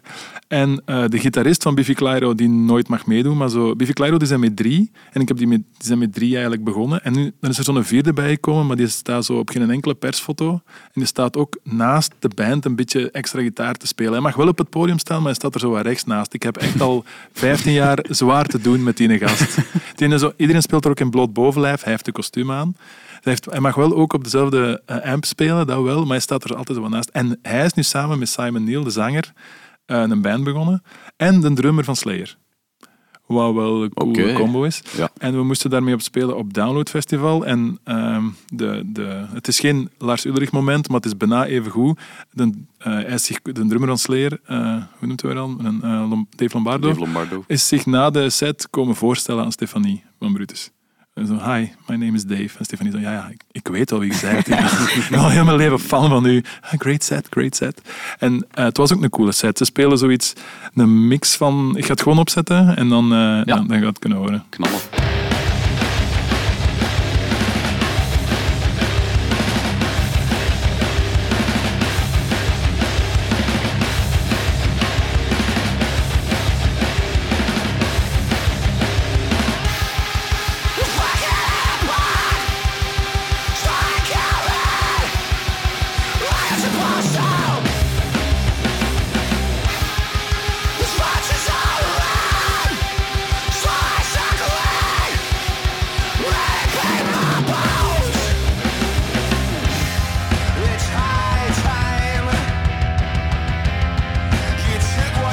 Ja, dat is my cup of tea. Het is hard en het is dan toch weer klei. Als je Biffy Clyro kent, zit het er wel weer in en dan zit het er weer niet in. En live is het echt nog, nog veel agressiever en zotter dan dat nu op, op platen overkomt. Ja. Maar Rijke, als je zoiets hoort op één nummer, kun je dan zeggen van ik ben overtuigd, ben mee. Is deze een, jee of een nee? Kun je dat al zeggen? Ik vind, ik vind het cool of zo, maar ik heb dat bij heel veel bands. Ik moet dat wel live zien. Want dan kun je echt eh, dan, dan kun je mij overtuigen. Als het goed live is, dan ben ik fan. Als het slecht live is, dan zie je mij nooit meer terug. Ik snap u volledig. dus, eh, maar het klinkt eh, heel tof, ja, ja. Ik vond het live wel cool. En, en ja, dat is ook zo... Ja, dus je hebt dan zo metal bands, maar hij staat er dan in zo'n kort shortje. En zo, ja, dat, zo, dat klopt zo niet of zo, omdat er met zo toch een andere vibe komt. Ik vind dat wel cool. Ja. Kende jij het? Eh, eh, Ik, ja, ik, ik heb het leren kennen via de gitarist van Tusky, die we mee op eh, Ah. sleeptouw hadden genomen in het voorjaar. Die kwam daarmee af en de eerste keer dat ik het hoorde, dacht ik van, what the fuck is dat voor iets? Eh, ik moet het nog wat tijd geven. eh. Maar dat is, het, dat, ja. dat is het ook. De- want de andere nummers zijn nog zo eclectischer en zotter en dan zo weer raarder. En, eh, maar ik vond het cool. En het, eh, op 1 september komt een plaat uit. Dat is heel snel al, hè. en dat is op Roadrunner. Voilà, dat is al een eerste release om zeker in doog te houden. Ik ga er eentje aan toevoegen, dat is van eh, Bring Me The Horizon. Yes. En eigenlijk mijn main reason is omdat we, ja, we hadden zo wat contact gelegd met Marijke en met Jeroen eh, ter voorbereiding van deze show. En ik zag Bring Me The Horizon op het lijstje van Marijke staan. Ja, ik Waarom heb, uw fanschap? ehm, het ding is, ik heb de grote fout gemaakt om die niet in de, de Lotto Arena te zien. Ik zat in de andere zaal bij Panic at the Disco en ik, had echt, ik had echt spijt. maar kijk, ik moest gaan, ik had tickets. Dus, ehm, maar ik vind dat wel een hele coole band. Toch zeker zo die laatste eh, nummers en, en platen die hebben uitgebracht. En die zijn ook, dat ziet er visueel ook wel goed uit. Zeker. Ehm, ja, en dat is, zo, wat- ja, dat is toch wel een beetje meer, minder oude zakkenmuziek of zo, als ik dat zo mag zeggen. En, Oh, de, nu, ga, nu ga ik echt weer de oude zak uithangen. De eerste keer dat ik Bring Me The Horizon heb gezien was 2006 of zo, in, de, Ah ja, in Ofterlo. Met hun eerste plaat, die kan, ehm, nee, gi- gigantisch lange titel, de death metal plaat. Ook zo nog voor Count Your Blessings en zo. ja, dan was ik vijf zo jaar. oud, dan was ik er zo lang gaan ze al mee. Ja, ja, dat is Nee, maar die hebben bijvoorbeeld ook zo'n collab met Youngblood, denk ik, gedaan. Ehm, dus zo ken ik die dan meer. Dus en dan, ja, dat is wel mijn... Ik vind dat wel cool. Dus ik ben eens benieuwd wat ze gaan uitbrengen. Ehm, en dan kan ik vanaf minuut 1, als de nieuwe plaat er is, meer checken. Ja, ja, ja. Dus, eh, maar ik ben wel echt eh, benieuwd. Ja. Op 15 september komt die... eh, Was hij niet verlaat of zoiets? Ah, wel. Ik heb nog altijd 15 september Ik heb gevonden. ook 15 Ja, september oké. gestaan. Ja. Ik had het gevoel, iemand zei mij onlangs, maar dat kan ook mega de leugen zijn, dat die zanger had gedropt op Instagram dat het een beetje later komt. Aha, we moeten het Dat dubbel checken. Ik volg de zanger niet op Nee, Instagram. ja, jammer. Ze- De plaat gaat alleszins heten Post-Human Next Gen. En er is één single nu gelost. Het is ook een samenwerking met Corpse, denk ik. Ja, Eh, dat, moet ook eens opzetten. Klinkt heel ja, modern eigenlijk ook wel. Burn me out like guts. Fade out when Centralia dust. Nostrils off a dust. Or like veins too many needles touch. If pain is beauty, I'm a pretty bitch. Gone too quiet, now they're whispering. If you blink, then you might miss it. Every hour is a week. I don't need sympathetics, I just need some room to breathe.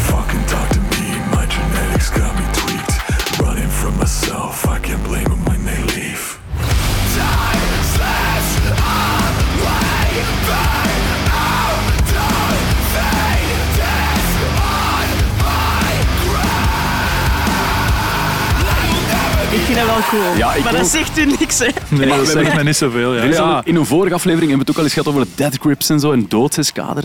Ah, ja, ja, ja. Zo ja. die crossover Ja, genres, ja. hip-hop, metal. Jeroen, je bent ook een, een grote hip-hop fan. En metal en de blends en alles wat ertussen ligt. Dit doet mij heel hard aan Ghost Main denken. Eh, misschien ook niet zo bekend bij de meeste mensen. Stond vorig jaar op Pukkelpop. Als je dat graag hoort, ga Ghost Main checken, want dat is helemaal in dezelfde vein. Zonder het eh, Bring Me the Horizon-achtig stuk dat er dan op einde eh. Ah ja, ja en dat blijft in die eerste vibe. Blijft in die eerste vibe, helemaal. Ja. Ja, dit is een collab. Allee, dit is een collab eigenlijk. Hè. Dat is Ah, nog ja, ja, gedaan. ja, Dus ja. misschien dat is enkel Bring Me The Horizon is dat nog gewoon. Bring Me Dan is het oké. Nee, ik ben nooit de Bring Me The Horizon fan Ah, oké, geweest of zo. Ik denk dat ik, ja, misschien ben ik daar te oude zak voor. Ja, Misschien. toch nog eens een kans geven. Zeker zo, als je dit nu hoort, ik vind dat wel supergoed, anno 2023. Dat, dat Ja, werkt dat heeft wel. zo wat, ik weet niet of dat je Falling in Reverse kent. Ja, Ah, wel, ik vind dat dat zo wat die vibe achter heeft. Klopt. Minder, meer screamen of zo, maar wel zo ook wat hip-hop eh ja. meets metal. En dat vind ik wel cool. En het visuele klopt ook wel. Dat heb je daarnet ook al even gezegd. Ja. Dat is wel zo. Dit is ook weer zo mooi geanimeerd in een coole clip. Er is tijd in gestoken. En dat vind ik gewoon goed. Dat Ja, zo langs de neus weg is. En geld waarschijnlijk. Die hebben ook een hele ja. Coole fotograaf, eh, die van Bring Me The Horizon. Dat is echt eh, dat is heel artsy of zo, maar dat past wel echt bij die band. Dus eh, ja. Dat Ja. zijn dingen dat ik dan wel check als ja, fotograaf. Dus. Voilà, zet het ook op je radar. 15 september, dus Bring Me The Horizon met Post-Human Next Gen. Een Misschien- nieuwe release. De- Sommige bands, daar moeten zo hun tijd in steken. En door de podcast hier heb ik dat al met sommige bands gedaan, maar nog niet met Bring Me The Horizon. Ik ga dat ook niet doen. dat is eerlijk. Dat is maar het is zoveel. Vind je niet dat er soms zo heel veel muziek is om te checken? Maar dat is Maar toch ja, leuk, ik, zit- check, ik check dan zo de top 5 op Spotify en als er dan daar iets cool tussen zit, dan check ik dat album. Zo. Maar jij bent 22. ai, jij bent 22. Hoe vind jij soms niet dat je heel veel nog in te halen hebt? Of maar ja, tuurlijk. niet? tuurlijk. Ah, ja, ik zeg het, hè, bij die hardcore dingen, dan, dat zijn zo... Ja, terror en Madball, dat zijn dan zo dingen dat ik voor de eerste keer hoor. En dan, ja, als je dan gaat checken van wanneer dat die albums zijn... Maar ik, ben, ik ben boven de 40, 43. En ik vind zelfs nog dat ik soms keiveel in te halen heb. En dan mijn hoofd zo, mijn playlist. Ik denk, oh, er komt weer nieuwe muziek uit. En, de, en die oude muziek, ik moest dat nog checken. Ik moest dit nog doen. En dat, ja, het dat ding ik is niet ik laat dat wel Ah! los. Ik laat dat wel los. Allee, als mensen dan zo'n bepaalde band zeggen dat dan kei bekend is, maar je kent daar weinig van, ja, je kunt niet alles kennen. Hè. Nee, nee, dat sowieso. Dus Ja, er is ook zeer weinig voor mij dat er nog uitspringt. Ik vind dat, dat er heel veel op elkaar lijkt. En dat maakt het allemaal veel minder, minder interessant. En er zijn ook gewoon bands waar ik vroeger fan van was, die ik nu skip. Omdat ik denk van, what the fuck is dat nu voor iets? Een, een voorbeeld, allee, om het eh, gewoon simpel te stellen, is, is bijvoorbeeld Slipknot. Dat is een band die ik de eerste keer live heb gezien in 99 in de vooruit. Met die eerste plaat, dat was ongelooflijk als dat Nou, uitkwam. Dat was, dat was iets anders. Maar als je, als je hoort wat dat die mannen nu maken, ik snap wel dat dat een grote aanhang heeft, maar dat is voor mij niet meer. Ik zag zo, ik zag zo dit jaar op Graspop ook, ik ben na een half uur gewoon gaan lopen, omdat ik dacht van, oké, dit, dit is de oude Pekes-versie van hetgeen wat ik twintig jaar geleden of zoiets zeg of zo. Maar wat is er dan minder goed aan? het, is, eh, het is allemaal heel braafjes geworden. Ah, en georchestreerd. En... Vroeger, Slipknot, dat was een hardcore show Mhm. Wanneer die eerste twee keer dat ik dat heb gezien. En nu is dat zo een, een- al die visuals en, en dat decor. En, en, en na elke song iedereen een keer van het podium om te gaan drinken, om dan terug te komen om het volgende liedje, en het volgende liedje terug allemaal van het Ja. podium. Dat ik denk van, guys. Maar moet dat niet als je op den duur op zo'n niveau zit? Ja, maar dan interesseert het mij niet meer. Eh, ja. Als van, ik bedoel, dan is het... Is het ja, dan, dan, is, dan, dan haak ik af, omdat ik... Ja, het zegt mij zo. En voelde zelf niet... Ik ga er niet over de confetti van Brutus beginnen op Pukkelpop, maar voel, zelf... Allee, ik voel dat soms wel, wat, wat, wat Marijke zegt, als je op een bepaald moment bepaalde plaatsen, op festivals dan vooral, of clubs, van groottes van clubs, dat je productie wel mee moet stijgen. Maar natuurlijk, hoe dat je het doet, er zijn heel veel manieren om, om, het, om het te doen. Hè. Dat, dat, zo, dat je zo verplicht wordt om zo, ja, om zo extra dingen ja, erbij te doen, dat je niet meer gewoon met drie en drie lampen kunt gaan staan spelen. Ja, dat is... Maar pas op, ze, Ja. Manowar, die hebben van het weekend gespeeld, die doen niet aan visuals. hè. Die hadden gewoon van die banners hangen op hun boxen. En dat is denk ik, Want ik had Slipknot ook gezien en dan er was er ene niet bij. Ik zei niet Ja, zo- juist, de, ja, de ene was dan naar zijn vrouw terug. Of, of ze, Clown, ja. Ja. Die was een Ja, paar shows was van alles afwezig, met de line-up. wegens familiale omstandigheden. en ja, die staat dan rechtsboven op zo'n toren met van die tonnen. Ja. Maar die was er niet. Maar het, het licht stond nog wel. En dat Tom Alsof hem, ook, ah ja, alles stond er nog, want dat zat in die decor. Bijvoorbeeld als er een gitarist niet zou... Ah ja, we hebben allemaal maar, pak nu een band met een, jullie. Je zouden kunnen spelen met één gitarist minder. Gewoon, toch? Hè? Zonder een dat zou in omdat hem niet kan. wel eh. En dat je zo wel zijn amp staan want- en zijn micro, want ja, dat zit in de productie en je kunt dat niet meer, kunt dat niet meer veranderen. Dat vond ik heel raar. Dat was zo echt een lege spot constant. Met zo'n licht op ook nog. Op momenten dat hij eigenlijk iets moest doen. Dat was echt raar. Nee, maar producties mogen van mij groter worden. Allee, ja, bij ons is dat ook. Ik bedoel, nu ondertussen is dat elf man dat, dat on the road gaat voor Fleddy. Dat zijn lichtmannen. Eh, je neemt je eigen mengtafel mee. Je hebt een, lichtshow. Ja, je wilt, je wilt er iets van maken natuurlijk. Maar ik heb het zo eerder over dat hetgeen waar dat je vroeger fan van bent geworden om bepaalde redenen, in mijn geval voor Slipknot was dat, dat was eigenlijk gewoon zo in de stream van de Linkin Parks en de Papa Roaches dat er toen allemaal uitkwam, was dat zoiets hard. En dat stak er helemaal uit. En nu is dat, dat is ook zo melodieuzer geworden en, Ja, ja. en, en gans, de, gans die shit. En, en live, ja, nee, live is dat... Dat is de ik, muziek heb daar dan. moeite, ik heb dat niet alleen met Slipknot, ik heb dat bij heel veel eh, acts. En daarom dat ik nog, ook nog altijd liever naar een kleine show in een kleinere zaal ga gaan kijken als, als dat ik naar een Lotto Arena stap Ja, of zo. ja.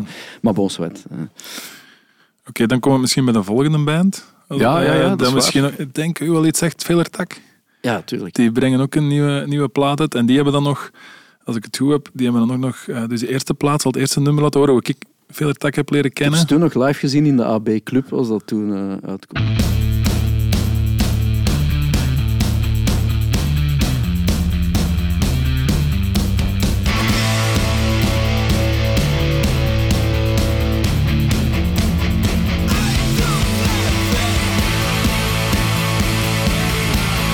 Ze komt het beste stuk.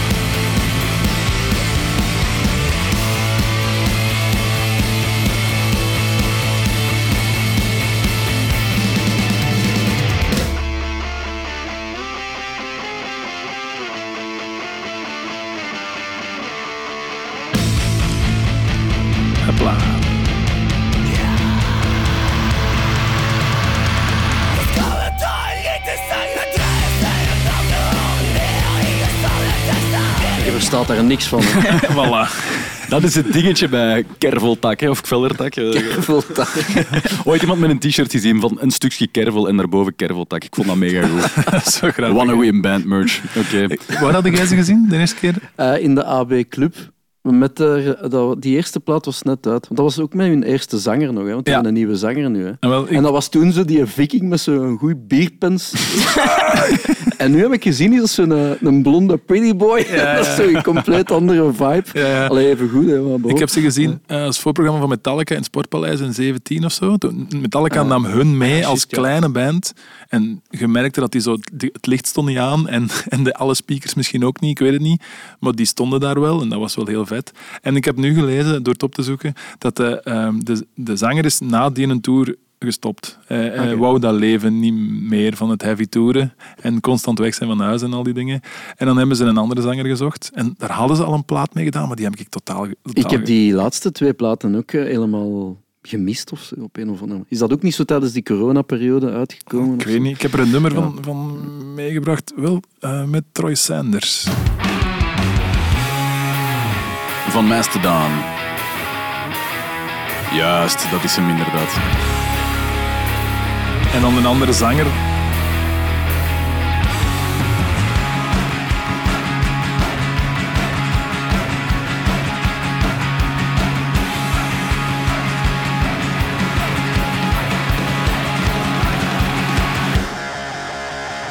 Ik hetzelfde trucs kunnen, mama. Ik ging juist hetzelfde zeggen. Ik hetzelfde trucs. En Wel, hebben, wel feestmuziek, echt. ze hebben wel veel over hun dak gehad toen, omdat er stonden op die plaat twee nummers in het Engels. En die ze, ze deden altijd alles in hun eigen taal. En eh, is het Noors? Ja, Ja, denk het wel, hè, ja. ja. Oh, ja. Eh, en eh, dan stonden twee nummers in het Engels en dan kwam de badge al direct van sell out en toch in het Engels gaan doen. En die mannen, ja nee, want we hebben een nieuwe zanger en die, in zijn vorige band zong die in het Engels en die heeft dat dan helemaal moeten uitleggen waarom dat hem ook eens een liedje in het Engels wilde doen en niet, en niet per se alleen in zijn eigen taal. Hij had dat dan uitgelegd in het Noors. Niemand verstond dat. Ja, ja. Ja, je zei het al, hè, Freddy. Eh, de, de, oh, nu zeg ik ook al Freddy. Oh, ik ga echt... wat is deze? Dat is niks Psychonaut. Eigenlijk inderdaad. Ik vernoem je altijd naar je band. Dat is helemaal niet de bedoeling. Nee, Jeroen, je hebt het al gezegd, je verstaat er geen kloten van. Maar eigenlijk, als jullie in het buitenland zouden spelen, die zouden er ook geen kloten van verstaan, want is wel iets dat jullie dan gemeenschappelijk hebben. Meg Vellertak, Freddie Mercury is ook in het Nederlands. Ja. Is dat iets waar je mee bezig bent? Soms van, moeten we iets in het Engels doen? Of houden echt vast aan het Nederlands? Zegt van, nee, dat is onze USP, unique selling point. Dit moeten we blijven doen. Of, of denkt je daar gewoon niet over na? Wij gaan ook, eh, of wij hebben al geregeld in Wallonië ook gespeeld. Ja? Waar dat, de eerste keer dachten we ook van, wat gaat dat hier geven? En dan staat er voor een volle zaal die al uw songs zitten mee te roepen. En dat je denkt van, what the fuck? Maar dat zijn allemaal mensen die dus ook naar Graspop gaan, Lokerse feesten, Pukkelpop en zo. En vandaar dat ze dat dan kennen. Vandaar dat die ook een ticket eh, kopen voor naar die shows te komen zien. En, en dat is wel plezant natuurlijk, dat die dat kunnen. Nu, in Frankrijk, we hebben eigenlijk met, met Fleddy enkel nog maar in Nederland en in België eh, gespeeld natuurlijk. Dus de vraag is, wat, wat zou dat nu in Duitsland geven? Ik weet dat er wel interesse is, want ik zie dat aan merchandise eh, verkoop ook zo. Want ik doe dat ook nog altijd allemaal zelf. Dus dat je ook zo orders uit de UK krijgt of Duitsland, Zwitserland. Dus je hebt wel mensen die dat daar kennen. Maar wat dat, dat daar zou geven, ik weet het niet.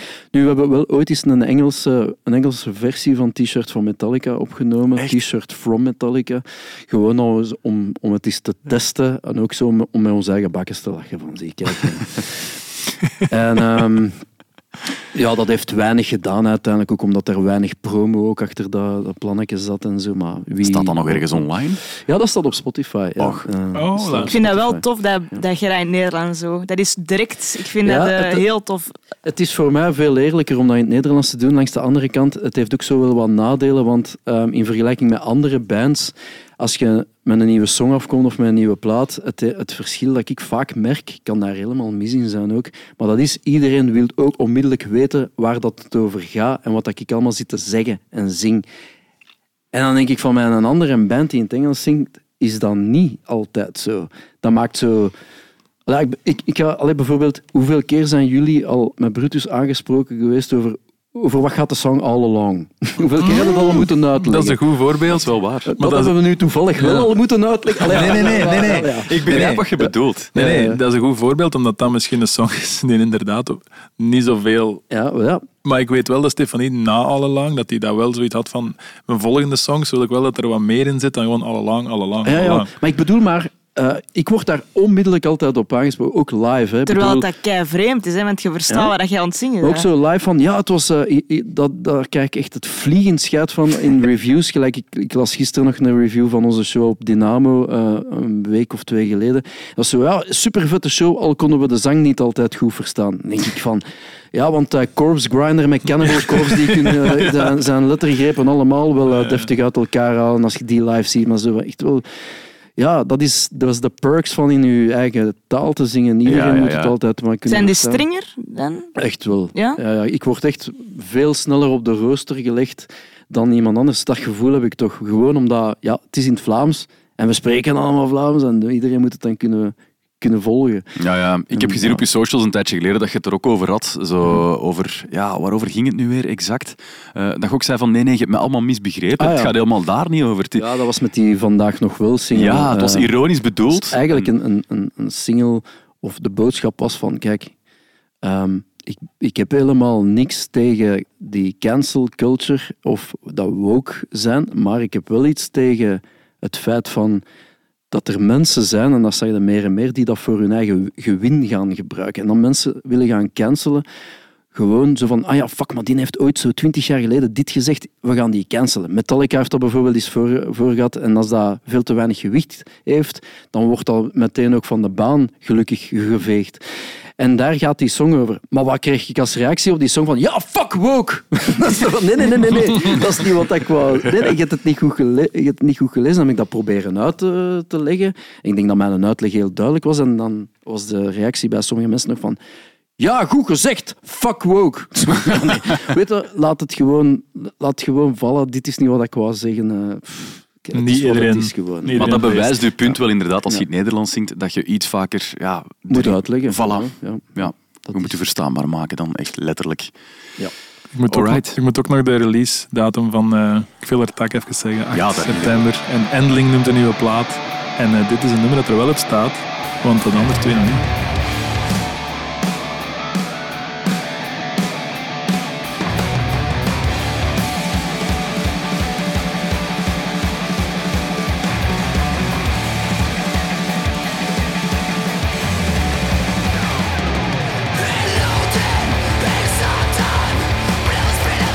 Screamt wel terug. Dus ja, Allee. Die gaan ook nooit geen bocht van 180 Nee. graden nemen qua songwriting. hè. Dat is wel duidelijk. wat ik ook wel goed vind. Ik ga de plaat zeker checken. Voilà, we hebben al drie dikke releases in september even op de rooster gelegd. 1 september Empire State Bastard, dan eh, Bring Me The Horizon op 15 september en deze Vellertak op 8 september. Brengt ons in het midden van de aflevering.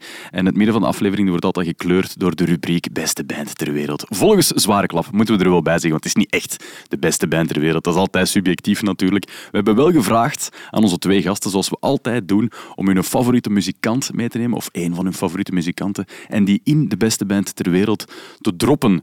Maar daarvoor, Peter, mag jij nog even een overzicht geven van hoe die beste band ter wereld er momenteel uitziet? Op zang is dat Chuck Childinger van Dead door Quickie. Op drums Brent Daler van Mastodon door Jens de Vos. Op gitaar Frank Zappa, al heel lang eigenlijk, door Luc van eh Dunk Festival, van aflevering 2 al. Of Ja. En eh, op bas eh Duff McKeegan van Guns N' Roses door Natalia van Live Nation. Op dit moment eh, is dat de beste band ter wereld volgens Zware Klap. Voilà, wie shotten we eruit? Marijke, we gaan met jou beginnen. Ik ga degene die er het langste in zit eruit kappen. Ehm, ja, ik heb voor Angus Young gekozen. Ehm, waarom? Ik heb ehm ACDC gezien. Ehm, dat was mijn allereerste grote concert dat ik echt gezien heb. Daarvoor was het zo, ik weet niet, De Kreuners, Clouseau, Brian Adams. En ehm, ik was veertien. En die speelde toen in België. En die hebben toen op de wei van Graspop, denk ik, gespeeld. Dat dat was in Dessel. En eh, dat waren twee dagen. En één dag was met Brian Johnson, de andere was met Axl Rose. Ik had het geluk dat ik Brian Johnson had. Want Axl Rose en de crossover met ACDC, dat, dat is iets niet dat zo'n groot succes is. De Axel DC Show werd toen gezegd. Ja, ja, en die zat toen in een rolstoel. Dus hoeveel pech kun je als publiek hebben als je daar toen een ticket voor had. En ehm, ja, ik zeg, het was toen 14 en ik vond dat zo cool. En ik zeg het, Angus Young, ja, riffmaster, als we dat dan toch mogen zeggen. In die show ook, dat is het ene riff naar de andere. Dan heeft ook een deel in die show dat hij gewoon 20 minuten lang een solo doet. En ik ben nog nooit zo echt verbaasd geweest en zo'n grote indruk gehad van, van een show. Dat heeft ook bij mij wel de lat gelegd voor al de rest van shows dat, dat ik ooit wou zien. Van amai, oké, dit wil ik zien. Dus ik ben al vaak teleurgesteld geweest in het leven dat het geen ACDC-show was. Maar ik zeg het, ja, gewoon mega coole gast. Ehm, ik bedoel, als je zo'n riff-raff van, eh, van ACDC ook luistert, ja, die is gewoon keigoed, dat kun je niet onderuit. Ehm, en ook het showgegeven daarvan, ehm, ja, ik zeg het, ermee dat ik denk dat die er wel in past. Ja, in de hebt er beste band. Je hebt er ook een bandshirt van aan, hè? Ja, ja, ja, het was een keuzestress, want ik heb er vijf. Maar ik dacht, "En deze is nog wel cool, ik ga dan deze pakken. En komen ze dan uit de Zara? Of, eh? Nee, nee, nee. Cool. Waarom kijkt je naar mij? H&M was het, een H&M. Sorry. sorry, sorry, sorry. Ik ken, ik ken Nee, nee, nee, nee, nee, nee. Het is, eh, daar hangen, ik weet niet, ja, ze- er zullen er wel hangen, maar daar ga ik ze niet halen. Nee, nee, nee. Dat was een grapje, omdat Dat is mooi. Jeroen hier zit natuurlijk. Angus Jong, en die heeft ook altijd zo dat, dat schooluniform Ja, gedaan. ja. Nog steeds. Dat is echt, ja, dat is wel, een- dat, dat is wel grappig, maar ik snap ook dat 20 jaar geleden of 30 jaar geleden cooler was dan nu. 68 is hij. Ja, zot hè. En die gaan, die gaan optreden hè, terug. Zo. Dat is echt, ik wil dat, daar wil ik echt veel geld aan geven om die nog eens te zien. Die woont, die woont blijkbaar In eh, Amsterdam, hè? Nijmegen. Ja, woont ah. die. En er is Die ergens- kan Nederlands. Dus- Ja, die, kan een beetje, ne- die is getrouwd met een Nederlandse. En in Nijmegen is er ergens, moet er ergens in zijn eh, buurt een café zijn waar daar regelmatig bandjes komen optreden. En die gaat dan zo naar die bandjes soms kijken. Kunt je het u voorstellen dat je dat zo met uw... Uw pa heeft u zo juist afgezet voor, met uw basversterker zo voor uw eerste optreden en staat dan zo Angus Young zo op uw vingers te letten. Zo van, ja, ik weet niet hoe dat ik zou reageren. eigenlijk. Dat is toch zot eigenlijk dat hij gewoon in Nederland woont. Ja, dat is, ik vind dat eh, echt... Ik wist dat niet. Nijmegen. En is dat dan een bedevaart? Allee, kunnen we er al naartoe? Nee, dan nog niet. Een Dat niet dood. Nee, nee, je weet zo'n wel. kapel zo. Je weet wel zo, ja, er, zijn toch, ja, er zouden toch veel fans kunnen. Ja. Ja, maar ik, weet dat, ik heb het al eens gegoogeld. Ik heb het adres niet gevonden. Niet gevonden, zal wel goed Moet wel lukken. Bij deze een oproep. eh. Ja. We Mag je doorsturen naar zwareklap.vrt.be. En dan op- groepsuitstap naar daar. excursie. Ja, maar amai. ja. Jij doet dat ook met je collega's van Welcome to Ja, the voilà. EE, doen. Dan gaan we dat ook met de zware klappers doen. Top. Even, even ECDC, gewoon, om dat gewoon eens het te te voelen. voelen. Ja. ja, ja.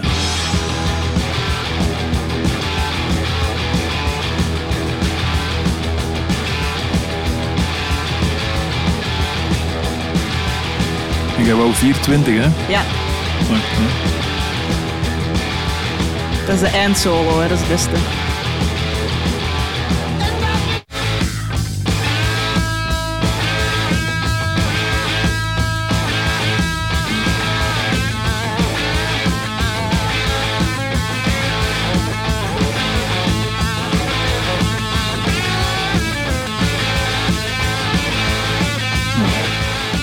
Toch goed? Natuurlijk is dat goed. We kunnen er niet wat aan spelen. Ik haat podcast. Ik haat podcast. Ik snap het wel, ja. Angus Ja. Young, het is wel echt een master. En Ja. ook heel herkenbaar, hè, de gitaarsound. Als je ergens inpikt, je weet meteen van dat is hem. Ja, ik vind... eh, en eigenlijk vooral, die hebben heel veel eh, platen en nummers gemaakt. En toch kun je per, per nummer zeggen van... Dat is hier die solo zit kei... Ze hebben overal kei solos, maar toch anders. En dat vind ik heel tof. Ja, en wanneer zit er dat dan op thuis, tijdens het koken? Echt vaak. Dat is altijd op Spotify mijn meest beluisterde band. Oh, zo. Zalig. Je Spotify rapt helemaal bovenaan dat is al ACDC. elk jaar. En dan denk ik, ah, ik heb dit jaar wat minder geluisterd, maar het staat er dan toch in. En dan, en dan eh, op YouTube heel veel de live versies opzetten. Thuis heb ik ook de live platen. En dan live is dat echt nog tien keer beter, Beter eigenlijk. eigenlijk. ja, ja. Dus ehm, ja. Oké. Zalig. Ik ga je nog eens bellen als de zwaarste lijst is en dan eh moet je je stem uitbrengen op je favoriete Ah, dat is goed, dat is goed. Dat is Ja. goed. Dat Ik ga was er juist aan het denken, waar staan die en zo. Jij weet dat niet van buiten. Ik weet het natuurlijk. niet van Ja, ik heb nu gekozen voor een niet eh, ja. populair nummer. Hè. Ik Maar dacht- vind ik goed, vind ik goed. Vind ik goed. Het gaat in een playlist zetten en dan... Zalig. Angus Young, dus in de beste band ter wereld van Zware Klap. Op gitaar en die vervangt eh, Frank Zappa. Maar we gaan ze best nog eens overlopen. Jeroen, Ja. Ehm, ik, ga voor, ik ga de bassist eruit kicken. Eh Duff. Ik ben eigenlijk ook nooit geen Guns N' Roses fan geweest, dus dat is zo erg niet. Nee, ik ga die, ik ga die vervangen door de muzikant waar dat ik eigenlijk ben door beginnen muziek spelen. Wanneer ik eh, 13, 14 jaar was. En dat is Flea van de Red Hot Chili Peppers. Misschien niet met de- meteen een metal eh, muzikant. Moet niet? Alhoewel het wel een, een metal kantje had hè, vroeger, vooral vroeger. Nee, ik vind dat een van de mafste muzikanten dat ik ooit heb bezig gezien, waar ik zoveel van... Allee, die, het is echt letterlijk door die, die band en door die muzikant dat ik ben beginnen eerst bas spelen en daarna eh, gitaar. En ik volg de Red Hot Chili Peppers nog altijd wel zo aan, maar die maken al pff, hetzelfde als wat ik daar straks zei, eh, al 25 jaar ook, of, of langer, veel minder goede platen als, als vroeger. En dus ja, ik ga voor Flea van de eh, Red Hot Chili Peppers. de mag, springerige hè? bassist. Maar ja, tuurlijk, het zal wel zijn. Ja, Frank Zappa stond er ook in. Hè. Dat is ook niet noodzakelijk gekoppeld aan metalmuziek of als je er dan een Nee. leven moet opkleven. Maar wel, ja, heeft heel veel muzikanten beïnvloed, denk ik ook. Ja. Wanneer is de laatste keer dat je ze gezien hebt? Red Hot Chili Peppers? Vorig jaar op Werchter. En daar zijn, ja, ik ben daar ook gaan lopen. Ik doe dat ook tegenwoordig als, op zo'n festival, want het is, eh, het is niet goed kom voor. Ik vond dat wel cool. Ik heb dat ook gezien. Ja, naar het schijnt was het dit jaar veel beter. Ah, ja. Maar ik ben, allee, ja, zoals ik daar straks zei, ik ben fan van, ehm, van alles tot aan ehm, tot en met One Hot Minute, een plaat voor Californication. Californication. En daarmee zeg ik niet dat Californication geen goede plaat vond, maar vanaf dan is dan een band geworden die het meer van de ballads moest hebben. En ik ben zwaar fan geworden van de Red Hot Chili Peppers, omdat dat van die zware funk metal was Ja, dat die maakte. En ja, alles wat die hebben gemaakt voor Blood Sugar Sex Magic, met Blood Sugar Sex Magic erbij, dat was magisch. Niemand deed dat. Dat klonk, ja, dat klonk gelijk, ja, dat was uniek. En dat, dat moest ik ook kunnen. Zo dat slabben en dat... dat Amai. ja. Ik, ik zit er al heel tijd te denken, dat, dat, ik kan dat niet en ik wou dat ook niet kunnen. Zo dat slappen. Ik heb nog nooit... Er is één song dat ik ooit heb proberen te slappen. Eh, voor de luisteraars die niet zo... zo ah ja, als je Flea hoort spelen, eh slappen op bas is eigenlijk kloppen met je duim en trekken met je pink aan je snaren, waardoor dat je zo toing, poing, toing, toing, poing-achtige, hè, heel slecht ge, Goed gemimikt, aangedaan. eh, ja, voilà, ehm, sounds krijgt. En Guano Apes had zo'n... Die, bassist deed dat ook. van Guano Apes. En ik was echt fan van Guano Apes vroeger. En, dan, en dan die deed dat ook. En dan... tang, tang, tang, tang, en Zo van die dingen. Open your eyes. Ja. Oh, wat een schijf. Van een schijf. En, ehm, maar, maar de Flea, dat is, als je bas speelt, komt je automatisch in aanraking met de Flea, want ja, dat is een iconische bassist. En ik heb eigenlijk ook nooit niks gehad met de Flea. Ik heb dat ooit nog gezegd over Josh Homme en de, en de Queens of Stone Age. En ik moest toen terugkeren op mijn stappen. Maar, ehm, maar de Flea, ik heb hem één keer iets zien doen dat ik hilarisch vind. Eh, ik volg de NBA zo'n beetje door mijn vriendin. En hij heeft een keer het volkslied. eh, dus elke NBA-match begint met het Amerikaans eh, volkslied. Dat is zo'n ding. En no- normaal vragen ze daar zo van die prachtige zangeressen of zangers om dat te komen zingen. En ze hebben een keer Flea gevraagd om dat te komen spelen op zijn bas. En dan stond hij in het midden van dat basketbalveld, een hele arena vol, met zo'n gigantische SVT-stack. En hij had er gewoon een free, flea versie gegeven van het Amerikaans volkslied. En dat is geniaal. En Maar- toen dacht ik, jij bent een grote meneer. Maar nog beter, om- omdat je het over de Lakers hebt. Hè. Op hun eh, plaat Mother's Milk staat een nummer Magic Johnson. Met de ingewikkeldste baslijn ooit. Het is gewoon één noot. dat moet je een keer beluisteren dan. Als je- Het nummer noemt Magic Johnson is gewoon constant de me. Oké. Doen. alleen de me. De me me van de Flea. denk ik. Maar zo, Maar ik ben hier even aan het scrollen op Spotify. Dus jij zegt eigenlijk, dat vanaf Californication hoeft het voor mij niet meer. Dat was 1999. Hè? ja, en, dat zijn hun grootste platen allemaal geworden daarna. Zo Dus jij zet de bassist in de beste band ter wereld die sinds zijn band heeft sinds Ja. 1999. Allee, sinds eigenlijk, want, want One Hot Minute is van 95, die al, Ja. al, al hoe is dat, 30 jaar bijna, al 28 jaar niks gedaan hebben wat je echt goed vindt. Maar die wel daarvoor Ja, oké. groundbreaking eh, stuff eh, heeft gemaakt. oké. hè. We gaan dat leaken opzetten dat je het doorgestuurd. Hè? Ja. Wacht. eh, Organic Beatbox Band. Ja, dat is, bijvoorbeeld, dat is een goed voorbeeld van waar dat ik fan van van ben geworden in de tijd en waar dat veel mensen nu van gaan zeggen van amai, zijn dat de Chili Peppers? Ik bedoel, want dat klinkt totaal anders als wat dat de Chili Peppers nu zijn.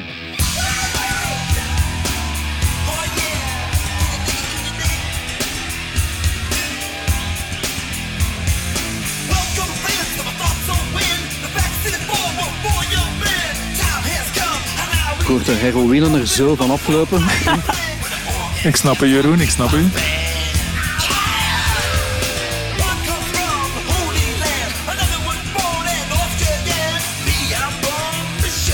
Van die een tijd kom je echt, hè? Dat is late jaren 80 dit, hè? Ja, dat is 87. Ja, Ja. ja, ja. Oké, oké, oké. Ik ga oude Chili Peppers checken. Dank u. Ik ga dat doen. Want ja, ik heb dat nooit gedaan. De Flea. Ik ben ook een grote Nirvana fan en hij heeft ooit op trompet Smells Like Teen Spirit meegespeeld live ergens op een show. Ja, dat kan hem ook. hè. Het is een baas, de Flea. En hij ziet er niet uit, mag ik dat zeggen? Hij ziet er zo'n beetje... Die is gewoon heel slecht oud aan het worden, denk ik. dat is goed gezegd. ja, ik vind dat toch, ja. ja. Maar bon. Maar hij zit wel in de beste band ter wereld. Voilà. En dat u. kan een stukje slappen. Ja, Dat ook wel. Exact. Kun jij zit- slappen, Thomas? Nee, nee, nee. Ik dacht dat je niet ging vragen, maar nee, nee, ik kan niet slappen. Ik Nee. kan dat ook niet. Dat is heel funky zo. Ik moet aan Victor L. Wooten denken. Zo. Ken je Ah, die bassist? ja, ja, tuurlijk. Die kan Oh alles op de bas en dat zo, ja. Kun jij dat? Jeroen, kan want, want zo- je bent gestart als bassist, je Ja, zo die, die, eh, dat, die je. octaafjes trekken, allee, die, die kan, ik- dat, kan ik wel, eh, dat kan ik wel doen. Maar bon, mijn broer die is daar eh, honderdduizend keer beter. Kan die goed? zo- Kan die goed? Ja, maar dat is zo, die, die, slap, die kan dan zo slappen als Les Claypool van Primus Ah, ja. en zo van die. Dus dat, dat gaat nog een, een straat verder dan, eh dan Flea. Ja, en vanaf het moment dat hij dat dan kon, dacht ik van, ja, kom, het is goed. Zal ik wel gitaar spelen? Gitaar spelen. dan, eh, Het is goed geweest, dank je. We hebben een nieuwe beste band ter wereld volgens Zware Klap. Overloop nog eens, Peters. Wie staat Ja. er nu in? Op zang eh, nog altijd Chuck van Dead. Op drums Bran van Mastodon. Op gitaar Angus van ACDC. Brand new erin gesmeten vandaag. En op bas de Flea van de Chili Peppers. Zalige band. Ja, daar zit wel eh, uit in. Heel goede keuzes. Dus de bedoeling eigenlijk dat die dan volgende zomer samenkomen en dan eh, een plaat opnemen. Ja, we gaan dat regelen. Op kosten van Studio Brussel. Dat zou wel de max zijn. We gaan dat regelen, we gaan dat regelen. Alright. Nog een beetje platen. Ja, Nee, wacht. Ja, platen die in september uitkomen bekijken. Ja. We hebben nog zitten eigenlijk. inderdaad. Oh, wie begint er, Gavik? Ja, ik ga er zelf nog eentje uitpakken. Dat is eh, Wishbone Ash. Alright. Ja, die brengen op 29 september een plaat uit. Ken je dat, Marijke? Nee, nog nooit van gehoord. Oké, je hebt daar straks al heel lang eh, het woord oude mensen in de, woord, in Ja, de mond. sorry. Nu moeten, we, nu moeten we 50 jaar teruggaan. Hoppa, voilà, ja, dat is zo in de leeftijdscategorie, denk ik, muziek zoeken. Dus. Nee, dan is er een plaat uitgekomen, eh, Live Dates, eh, van Wishbone Ash. Ik kende de band eigenlijk zelf niet, maar het is echt zo hele coole rock and roll. Het is mega graaf. eh, en ik heb ze leren kennen via onze chauffeur. Als we naar shows rijden, de Jan Kassiers, Amps on Tour. Mega grave gast. Kende hem niet? Ook uit Antwerpen. Waarschijnlijk misschien dat is tegengekomen. of Ja, zo. alhoewel, die heeft mij echt heel veel coole muziek leren kennen. En dus ook Wishbone Ash. En je moet het misschien meteen eens laten luisteren, als het mogelijk is. Dat is Peter. mogelijk. Ja? Wishbone Ash. En dan gaat je direct voelen wat ik wil zeggen. Ja, ja, ja. Ik zeg mee, ik zeg mee, ik zeg mee.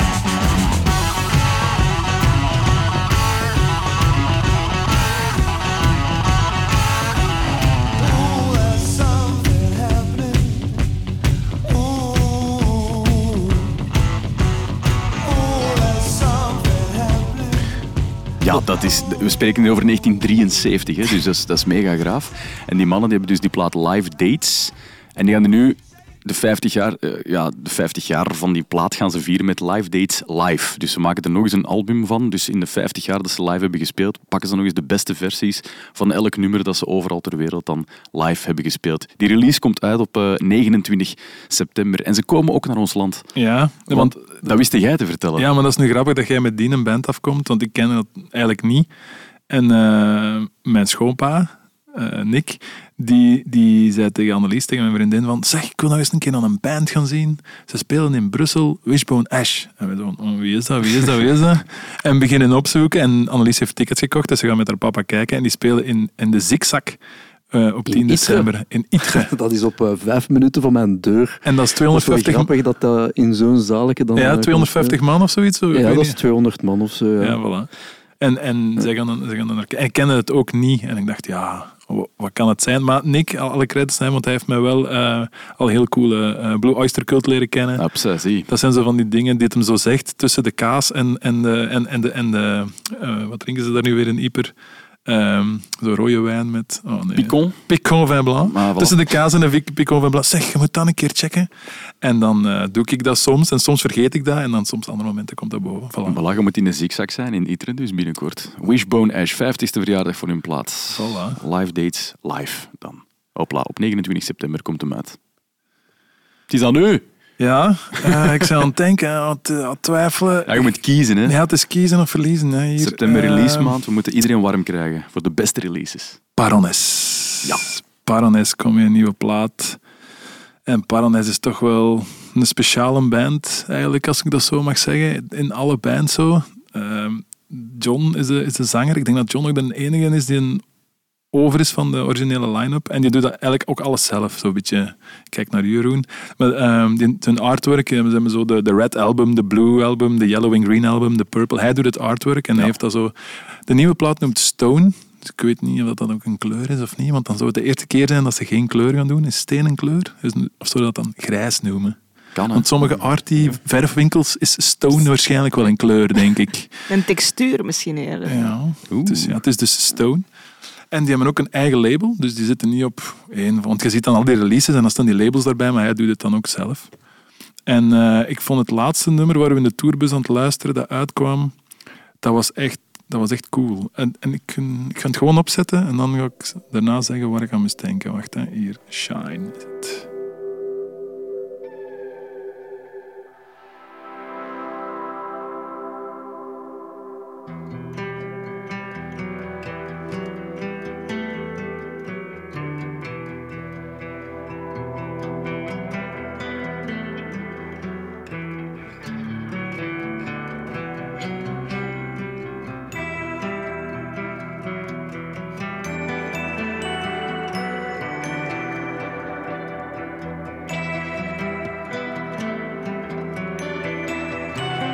kerstsfeer.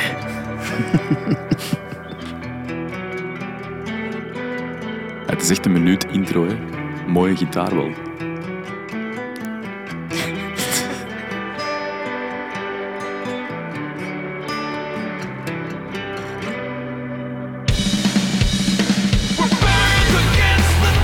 En dan is het gewoon Baroness.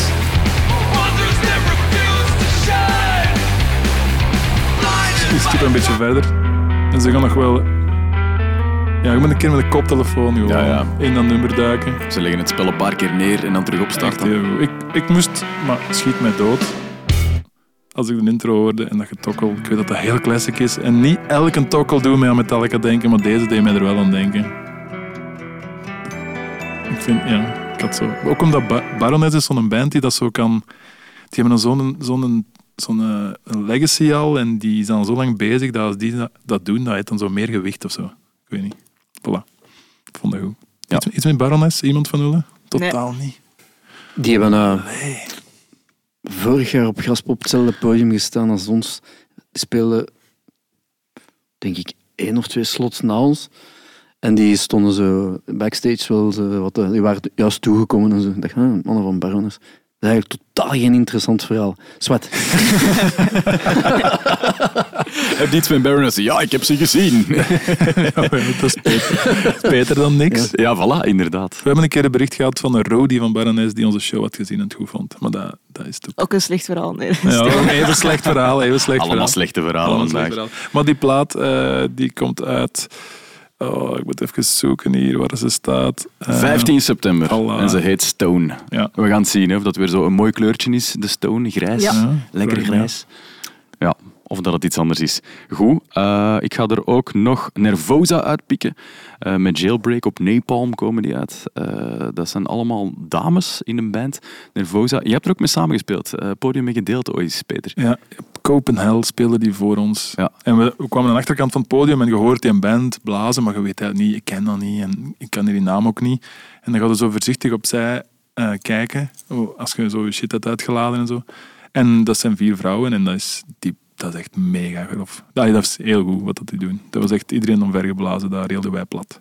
Ja, er is ook zo Emily Herweg eh, van Sisters of Suffocation. Die is daar eh, een paar, ja, een tijdje geleden heeft hij daar ingevallen op bas.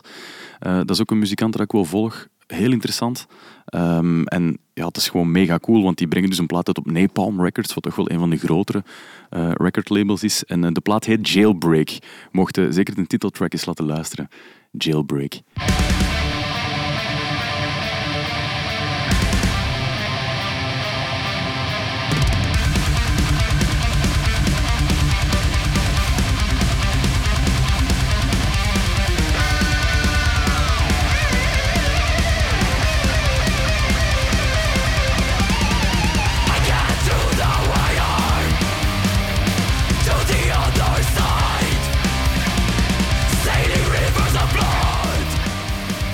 Zou er ook wel eens willen invallen op bas. Ik vind dat, ik grave muziek. Ja, dus en- kijk en eens naar de release. vorige aflevering dat uh, Vincent ook zei dat de Vincent van Quickenborn ook zei dat de, de hele metal dat dat zo'n beetje een macho cultuur is en veel mannen op podium en al.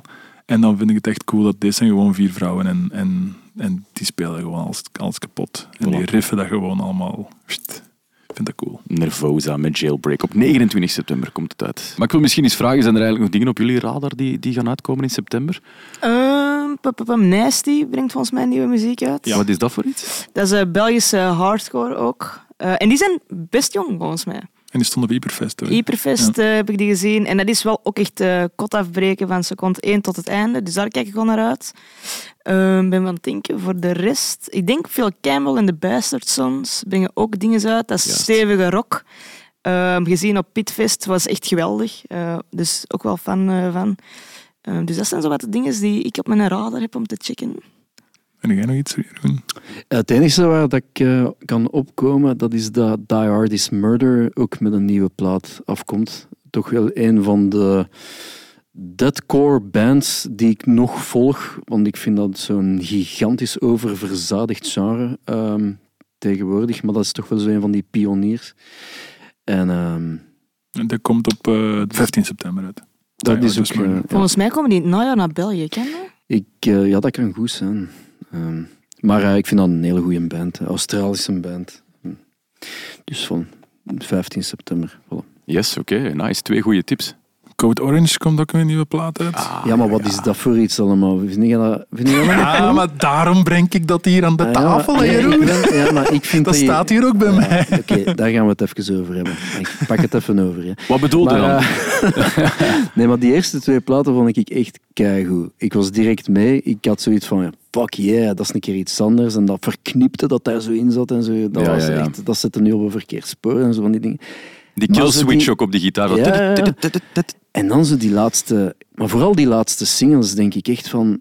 Nu moet ik, alleen van mij, ik ben, ben de eerste om te zeggen van ik vind het cool als je, als je, je- als je ja, begint te experimenteren, dat je nieuwe dingen eh, probeert. Maar nu, ze, ze zijn me echt wel helemaal kwijt met die laatste singles. Ik denk, ja, ik weet niet, ik weet niet wat ik er eigenlijk van moet vinden. Misschien moet ik het gewoon veel meer tijd geven of zo, maar dat, dat gaat veel minder binnen, snel binnen als wat dat Code Orange in het begin wel deed. Ik zag Ja. staan featuring Billy Corgan. En Ah, wel ja, dat heb ik ook gehoord. En dan denk ik, ja, het is, Billy Corgan komt er dan zo in het midden van de song zo, zo 15 seconden in dat hij zo ja, maar de naam bij erbij de zetten. micro passeert. Zo, en dat was het dan ook, denk ik. Maar En wat bedoelde dan dat het zo... Ze hebben Billy Corgan erbij gepakt om ook zo wat meer mainstream publiek aan te boren? bij mij komt, komt Co- Code Orange echt over als de band die zo wel eh, wat probeert om bij het mains- mainstream publiek eh zowel wat, wat, wat bekendheid te, te, te verkrijgen. Ik denk dat ook managementgewijs ook zo iets is van dat die bij een of ander management zijn getekend, eh, waar dat dikke bands ook eh, Ja, ja, ja. bij zitten. En dan ja, zo'n Billy Corgan, wat ik op zich wel cool vind, want Billy Corgan, daar heb ik ook veel platen van thuis liggen. De zanger van de Smashing Pumpkins. Ja, maar ja, nee, het, eh, het gaat er nog niet in. Is dat zoiets... Wat, je ziet dat nog wel hè, bij bands die zo... En som, een tijdje een ding doen en dan één keer zo precies beslissen. Ik kan nu niet direct op mijn naam komen, maar die ineens beslissen van nu gaan we, nu gaan we commerciëler gaan, is dat een vies woord? Of nu gaan we proberen om breder te gaan, of nu gaan we muziek maken die ja, meer volk moet aanspreken. Ik had dat heel hard met Bring Me The Horizon. Ja. Ehm, Ik had die op download gezien en dat was ook wel gelukt, want dat stond er wel allemaal te gaan. ja, ja, maar dat is, een- dat is een toonaangevende band geworden. Die hebben echt goede keuzes gemaakt, maar dat was wel een ommezwaai. Een gigantische ommezwaai dat die mannen hebben gedaan. En er zijn wel nog zo voorbeelden te geven. Dus ik denk dat Parkway Drive bijvoorbeeld ook zo'n zo'n band is. Dat was vroeger echt een, een, metalcore band. En nu is dat van die stampende metal dat ze, dat ze maken. En dat, dat, is, dat staat... Zijn er daar ook van weggelopen op Grasveld? Ik heb dat wel... eh, ik stond gewoon gefascineerd te kijken naar hoeveel volk dat er daar op dat podium stond. Met al die fakkels en zo. Ik dacht van, moeten jullie die allemaal betalen? Zo. Maar... eh, Maar wel goed, toch? Ik vond ja, dat wel maar echt goed. dit is wel niet de Parkway Drive dat ik twintig jaar geleden heb gezien. En ja, dat is weer de oude zak in mij die dan zo denkt van, ja, ik vond die een oude Parkway Drive toch Ja. wel, vetter. Maar dat mag ook. hè. En, en, ja, maar het is iets anders. Dat is echt ommezwaai. En zijn er bands waar dat dan wel in lukt, dat je die zo groeien en dat je zo wel alles cool blijft vinden? Ik stel mezelf ook die vragen, het is niet alleen aan u. Ik ben niet aan het denken, want Van Dus- mensen waar dat je fan van, van blijft, ja, van en, blijft. en die dan groter worden en dat je nog altijd fan bent. Die, die zo, want Biffy Clyro, die ik al genoemd heb, die zijn mij ook kwijt toen ze zo stadionrock begonnen maken. En eh, zelfs de Foo Fighters zijn mij kwijt, als ik ze nu zie spelen. Er is maar één band Ja. waar dat kan, kan opkomen, die mij nog min of meer eh, vasthoudt. En dat is eh, wat dat er op uw t-shirt staat. Ah ja, Ja. echt? Die, die hebben ook al van alles gemaakt. moet wel zeggen welke band dat is. Ja, ja, ja, wacht, wacht, wacht, wacht. Dat We gaan is de een span- zieke We gaan zij. de spanning wat opbouwen. Ja. Vertel Jeroen. Ja, het gaat over Korn, want dat is een band die... Tot daar de spanning. Ja, maar, ja, maar nee, maar voor, dat, is, dat is zo debiel. eh. Ja, is eh, goed zo, bedoel, die, die hebben ook al crap gemaakt. Hè, maar Absoluut. toch blijf ik, dat, blijf ik dat kopen. En elke keer als ik dat live zie, denk ik van... Dat is toch goed, hè? Dat is ook, ah ja, bij mij is dat tot dat wel. 98 goed ook of zo. Ja, maar ja, Eh, voor mij ook. Eh, en zelf, toen was het al nog een kleuter, vond ik, met die Follow the Leader plaat. maar eh, ja, die, die hebben zo dat, dat, dat... Er is ook niemand die, die zo klinkt. En toch vind ik dat, dat, dat er nog altijd een lijn in zat. Die ommezwaai is... Ja, die is niet 180 graden geweest of zo Het bij nog- een band. hè, maar, Ja, daar zijn ik misschien zelf dan gezwaaid, weg van gezwaaid. De Ja. band is blijven goed gaan, maar ik ben er Ja, een beetje weggezwaaid, ja. denk ik. Ja. Zeg is ook nooit goed, zeg. Nee, het is niet gemakkelijk. vind Ik, ik vind Dat echt een goede oprichting.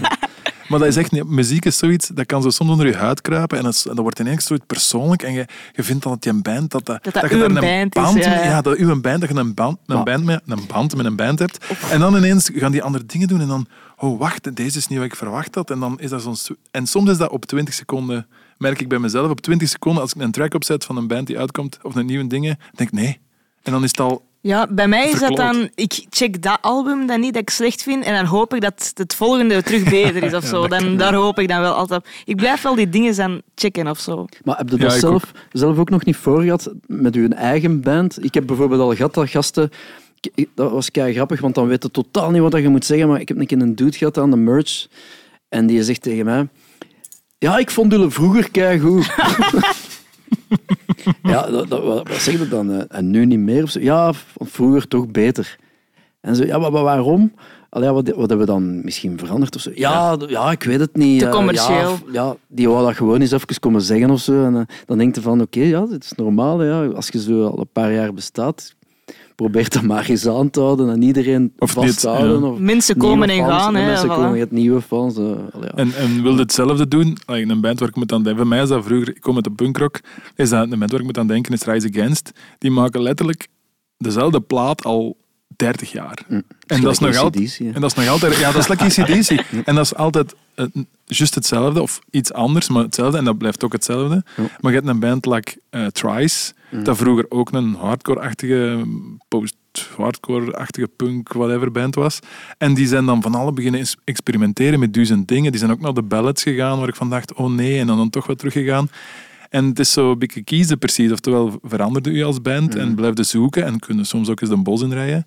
Of je blijft gewoon op je safe formule spelen en gewoon gaan. Ik weet niet wat het beste is. Dat is echt... Er is geen beste. Is Gewoon, ik denk als artiest je buikgevoel volgen Ja. en doen wat je graag doet. En je Dat ziel niet verkopen aan Ja, ja. iets of iemand. Eh, maar om terug te komen op de release, dat is dan Code Orange. Eh, de plaat heet The Above en komt uit op 29 september. Nog een klein verhaaltje. Ik heb die mannen ook in de studio gehad op Graspop Metal Meeting en die hebben wel een air van hier tot in Tokio. Oei. En dat vind ik zo jammer. Oh, dat is verschrikkelijk, Ja. hè? Oh. Want ze hebben zo dat nummer Swallowing the Rabbit Hole. Super zot. Van die vorige plaat, dan ja, ja. Underneath, denk ik. Eh, en dan, ik was helemaal mee. Dat was mijn meest gedraaide schijf eh, afgelopen jaar, denk ik. En dan komen die in de studio en dan negeren die u half, antwoorden die niet op uw vraag, zeggen die gewoon yes or no. Dan stappen die uit de studio en dan is die een bubbel ook zo doorprikt. Ja. Ik moet daar even niks meer van weten dan. En die nieuwe plaat er nu eens aan te komen, oké, ik ga wel luisteren, maar pff, de magic is zo. Ja, ik snap ook niet waarom dat je dat doet als band. Dat werkt toch alleen maar in je nadeel? Niks bij te winnen. Nee. Ja, Inderdaad. Ik, ja. Ik, kan, ik, ik praat dat niet goed, maar ik kan me wel inbeelden voor zo'n band dat het wel heftig wordt of zo. We, hebben het er te straks over gehad, eh toen bellen waren. Ehm, dus op een bepaald moment moeten we maar één ding meer doen. En dat is een show spelen. En het tweede ding is dan pers. En dan zijn alle omstandigheden moeten dan voor u gecreëerd worden. Je moet in een goed hotel slapen, in een goede bus. Je moet echt letterlijk aan niks meer denken, behalve eten, pipi, kaka, interviews en shows. Dat is het eigenlijk. Ja. Dus dan snap ik niet dat je dat niet te goed doet. Dat je niet zo gewoon, like Dave Grohl al zoveel jaren doet, gewoon deftig. Doet je pers, dat hoort erbij. Doet. Maar als je zo'n band zit dat er nog tussenin zit, waardoor je zoveel kilometers moet rijden en je bent echt stik kapot, je hebt maar drie uur geslapen en je moet dit nog doen en je trolley is weer kwijt en je gitaar ligt weer ergens, eh, zit weer in een andere bus en je moet nog zelfs je schoenen gaan halen, tien minuten wandelen op de parking en zo, dan kan ik er soms in komen dat je zoiets hebt, ik ik wil echt geen pers meer doen.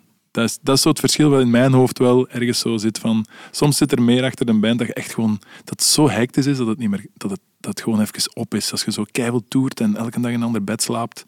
Ja, maar moet je dat doen? Want op dat punt kun je toch beter zeggen, we doen het niet. Goeie vraag. Denk ik dan ook. Goeie vraag. Moet je dat dan doen? Want nu je er zo aan een slechte indruk achtergelaten, Ja. wordt ook niemand gelukkig van. Hè? Dan moet het misschien niet doen. Ja, Ja. en sommige interviewers zijn ook gewoon hè. Dus Thomas... Bedoel, eh, Merci, merci. Nee, nee, nee. Letterlijk. Ik bedoel, Nee, maar dan ben ik me wel beginnen afvragen dan daarna van heb ik het fout aangepakt. Dat klopt wel. Ja, maar, maar negen kansen op tien niet. Maar je hebt echt van die gasten. Ik heb ook al, al interviews gehad dat ik dacht van.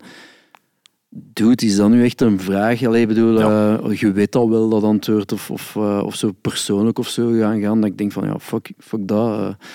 Of de vraag, Ehm, is dat moeilijk? Drummen en zingen tegelijk. ja, voilà zo. Ja. Sorry, maar die- als die komt, dan, dan, ja, dan weet al... Ja, misschien hadden we dit niet moeten doen. Nee, dat is niet, dat is niet helemaal waar, maar soms is heel veel pers ook wel moeilijk. Ik vind het tofste als ze zo vragen stellen die je totaal niet verwacht. Ja. Dat je zegt, alright. Ja, Dat is een keer een cool. Ik Ja. zo, En dan krijg je direct Ja. ook meer energie en dan, ah ja, en dan, dan, je begin je te ah, dat is een keer cool om daarover te hebben. Zo. Zeg, we hebben ook nog iets bij dat je misschien totaal niet verwacht, Jeroen. Het is Oei, voor u. Shit. Ik ga het even halen. Is het Amai, goed? ik ben benieuwd nu. Ja? Allee, jij krijgt cadeautjes. Amai. Hey. Shit. We hadden nog iets moeten mee. Amai.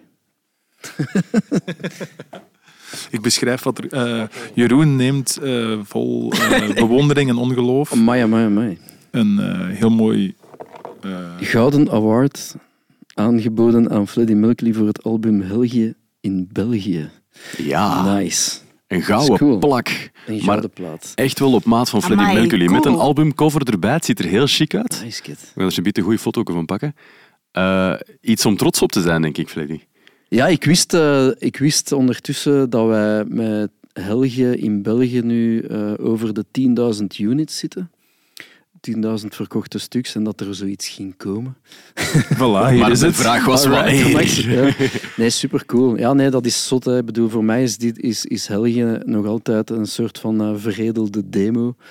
Wat dat een zot leven is gaan, eh, gaan leiden. En ik bedoel, die plaat heeft zoveel verkocht. Al ja, dat is super cool. Dat is maf. Nice. Ik moet terugdenken aan die fan dat aan de merch stond bij u en zei ik vond dat vroeger wel goed. Voilà, dat is dat is het bewijs. Ja, ja, ja. Dat is voor die fan dan deze. Ja, de maxke. Wat ga je ermee doen? Ja, dat gaat een schoon plaatsje krijgen. Hè. Eh, amai. ja, ik weet even niet wat ik moet zeggen. Ja, ik snap dat. Wat, wat is 10.000 units? Is dat, eh, want je, je weet... Dat is een combinatie van, eh, van de cd's, vinyls eh, en Downloads een gans downloads. En dan is er ook zo een, een hele rekenformule voor die Spotify en en Deezer streams Amai. te laten meetellen en zo. Maar eh, ah, het maffen is dat dat, dat enkel ook voor, op België slaat, dus er zijn er nog wel een pak meer verkocht. En de plaat krijgt ook een reissue, de vierde reissue nu in, in oktober. Want die is weer uitverkocht op vinyl. Dat is zot dat mensen dat blijven. eh, Nice. Proficiat. Dank u, amai, super. Ja, wat een Ja, Ja, dat hadden we niet verwacht, hè, Jeroen. graaf. het is wel cool. dus komen. Nee, nee, nee, dat is niet waar, want we hadden nu eigenlijk vastgelegd voor deze aflevering en dan kwam dat nieuws tot bij ons en dachten we, van, amai, waarom doen we dat niet gewoon in zware klap? Dus we hebben nu by surprise een heel schoon cadeau kunnen geven. Super vet. Dank u wel. Ook aan Sony Music. eh dank u wel. Merci, eh. graaf. Nee, super. Hang het op een schoon plek. Doe er iets mee, dat het altijd in zicht hangt, dat je er trots op kunt zijn, dat je daarna kunt terugkijken. Dat is iets dat ze nooit meer afpakken. Dat is, eh, ik denk als muzikant, zeker fulltime muzikant, we hadden het er straks al over, dat moet echt een mooie... In de Ja. living, hè? Ja, in de living, ja. Nee, ik bedoel dat toen wel veel zoiets, want is, ze hebben ons ook gezegd dat er weinig eh metalbands in, in België de afgelopen tien jaar zo'n prestatie hebben gehaald. Allee, puur fysieke, eh, eh, pu- puur fysieke sales, dat, dat, dat je al helemaal denkt van... eh, Eh, ehm, Channel Zero misschien, moet ik eerst aan denken. Misschien met Unsafe in een tijd. ja, maar dat is ondertussen ook Oh, wel... 20 even jaar geleden. Ja, ja, ja. Dat is zo'n tien. Dat zal de band ervoor geweest zijn, denk ik. Voor de rest kan ik ook niet echt eh, een band denken die dat... Ja, voilà, alleszins Ja, dikke cool. proficiat, man. Merci, ik merk dat, dat het echt wel iets doet met u. Ja, ja, tuurlijk. Ja. Dat is echt eh, vet. Dat is zalig, want we, we zijn een tijdje geleden ook op restaurant geweest, Ja. per toeval. Door gemeenschappelijke vrienden. En we hebben daar toen heel lang gebabbeld en je bent echt een ras echt muziekbeest. En ik had ook zoiets van, als we dit kunnen geven aan Fleddy in de show, alleen in zware klap, dat gaat echt iets doen met hem. Het is gelukt. Dank u. Echt Nice. waar. Het ziet er echt super cool uit. nice. De max. Ja, kom Wie onze... wil een artwork mee? Dat is een kerel van bij ons in Halle. Robin heet hij. Ehm, Citizen Panic is die zijn eh, Instagram-naam. en die doet dat eigenlijk al van day one, Ja. eh, dat artwork. Eh, die heeft alle hoezen al getekend. Eh, het coole is dat ik kom dan met een basisidee af. In het geval van Helge was dat eigenlijk dat ik... We hebben daarvoor nog een EP uitgebracht, What the Fuck heette die. Ik stond van voor op die plaats, gelijk zo'n echte superheld met een, leger zombies die mij dan aanvielen. Het was de bedoeling van, van met deze plaat de achterkant vanuit mijn rug dat beeld te kunnen eh, tonen. En wat dat je dan al, al die figuurtjes dat je ziet staan, zijn eigenlijk allemaal details van op de plaat. Dus een gast met een t-shirt van Metallica, een, en een boterham van brood. Wat staat er nog allemaal? Ja, geen vlees, wel vis. Ergens staat er een vis tussen en zo van die dingen. Ehm, dat was het basisidee. En, en die een teken, ik geef dan dat basisidee en hij tekent dat dan nog honderd keer straffer dan wat ik. En zo heeft hij dat met al die hoezen al gedaan. Dat is altijd maf om dan ook zo te zien wat heeft hem er nu van gemaakt. Ja, Dus van, nice. voilà. Dank u. Alright. Super cool. Dan komen we Nice. eigenlijk aan onze laatste rubriek, zoals we altijd afsluiten, de 666. Eh, waarin we altijd eh, zes om te zien, zes om te horen en zes om te weten meegeven naar de komende maand september. We hebben al een paar releases iets uitgebreider besproken, maar we gaan dat toch nog eh, een beetje extra body geven door zes om te zien. Peter, take it away. Eh, zes shows om te zien op 4 september. Hexis in de Botaniek. Dat is een combo van hardcore en black metal. Ik ken het nog maar pas, maar ik vind het wel heel goed. Ja. Dat is echt cool. Eh, het is ook Leffingen-Leuren. In, eh, dat is ook het, het op eh, 15, 16 en 17 september. Leffingen-Leuren in eh, Leffingen bij Middelkerken. Dat is zo een beetje het laatste festival van het jaar altijd. En, en eh, wie speelt er? De Psychotic Monks, Dead Letter en Pix, Pix, Pix, Pix, Pix, Pix. Het is zeven keer. Pix. Zeven keer. Ja, zeven keer Was het Pix. even? Ik weet niet. Ik heb maar Ik vijf altijd af of dat die dan op hun teen zijn getrapt als je een piks vergeet. Soms zetten ze zeven... Hela. Soms zetten ze 7p ook, hè, dat is ook piks. Eh, Captain Kaiser is een band uit eh, Antwerpen, of uit de Kempen toch, eh, die een album gaan voorstellen op 15 september in een Trix. Ik heb het filmpje gezien van hun show op Pukkelpop en dat was wel heel cool. En ik vind dat zo'n band, die een zanger, je ziet dat alleen maar in buitenlandse bands. En nu hebben we dat ook hier. Dat is zo echt gewoon zo'n je m'en fous, kust allemaal mijn... Ja. Je weet wel. En, En die die er heeft, gewoon zo, voor gaat. die heeft zo'n koep half een bal, noemen wij dat. Dus een halve bal op zijn kop en alles zo er rond Ja. afgeknipt. Ah. Een En jommekeskapsel. die, zo, en die wandelt gewoon op. En dat is gewoon alles. al- ja, hoe dat hem eruit ziet en hoe dat hem doet, ik vind dat echt chic. Dat er, dat, ja, ik zie dat normaal alleen in het buitenlandse bands. Eh, Sparta komt naar, eh eh, naar AB op 17 september. En dat is, vroeger hadden uit de drive-in. Ik spreek nu ook oh, lang, lang geleden. En dan dat splitten. En dan de helft werd Mars Volta en de andere helft werd Sparta. En ik heb het altijd... Cut Your Ribbon is een mega schijf eh, die ze hopelijk gaan spelen. Want het is ja, een Mhm. anniversary van het album, denk ik. Sunno komt naar het depot.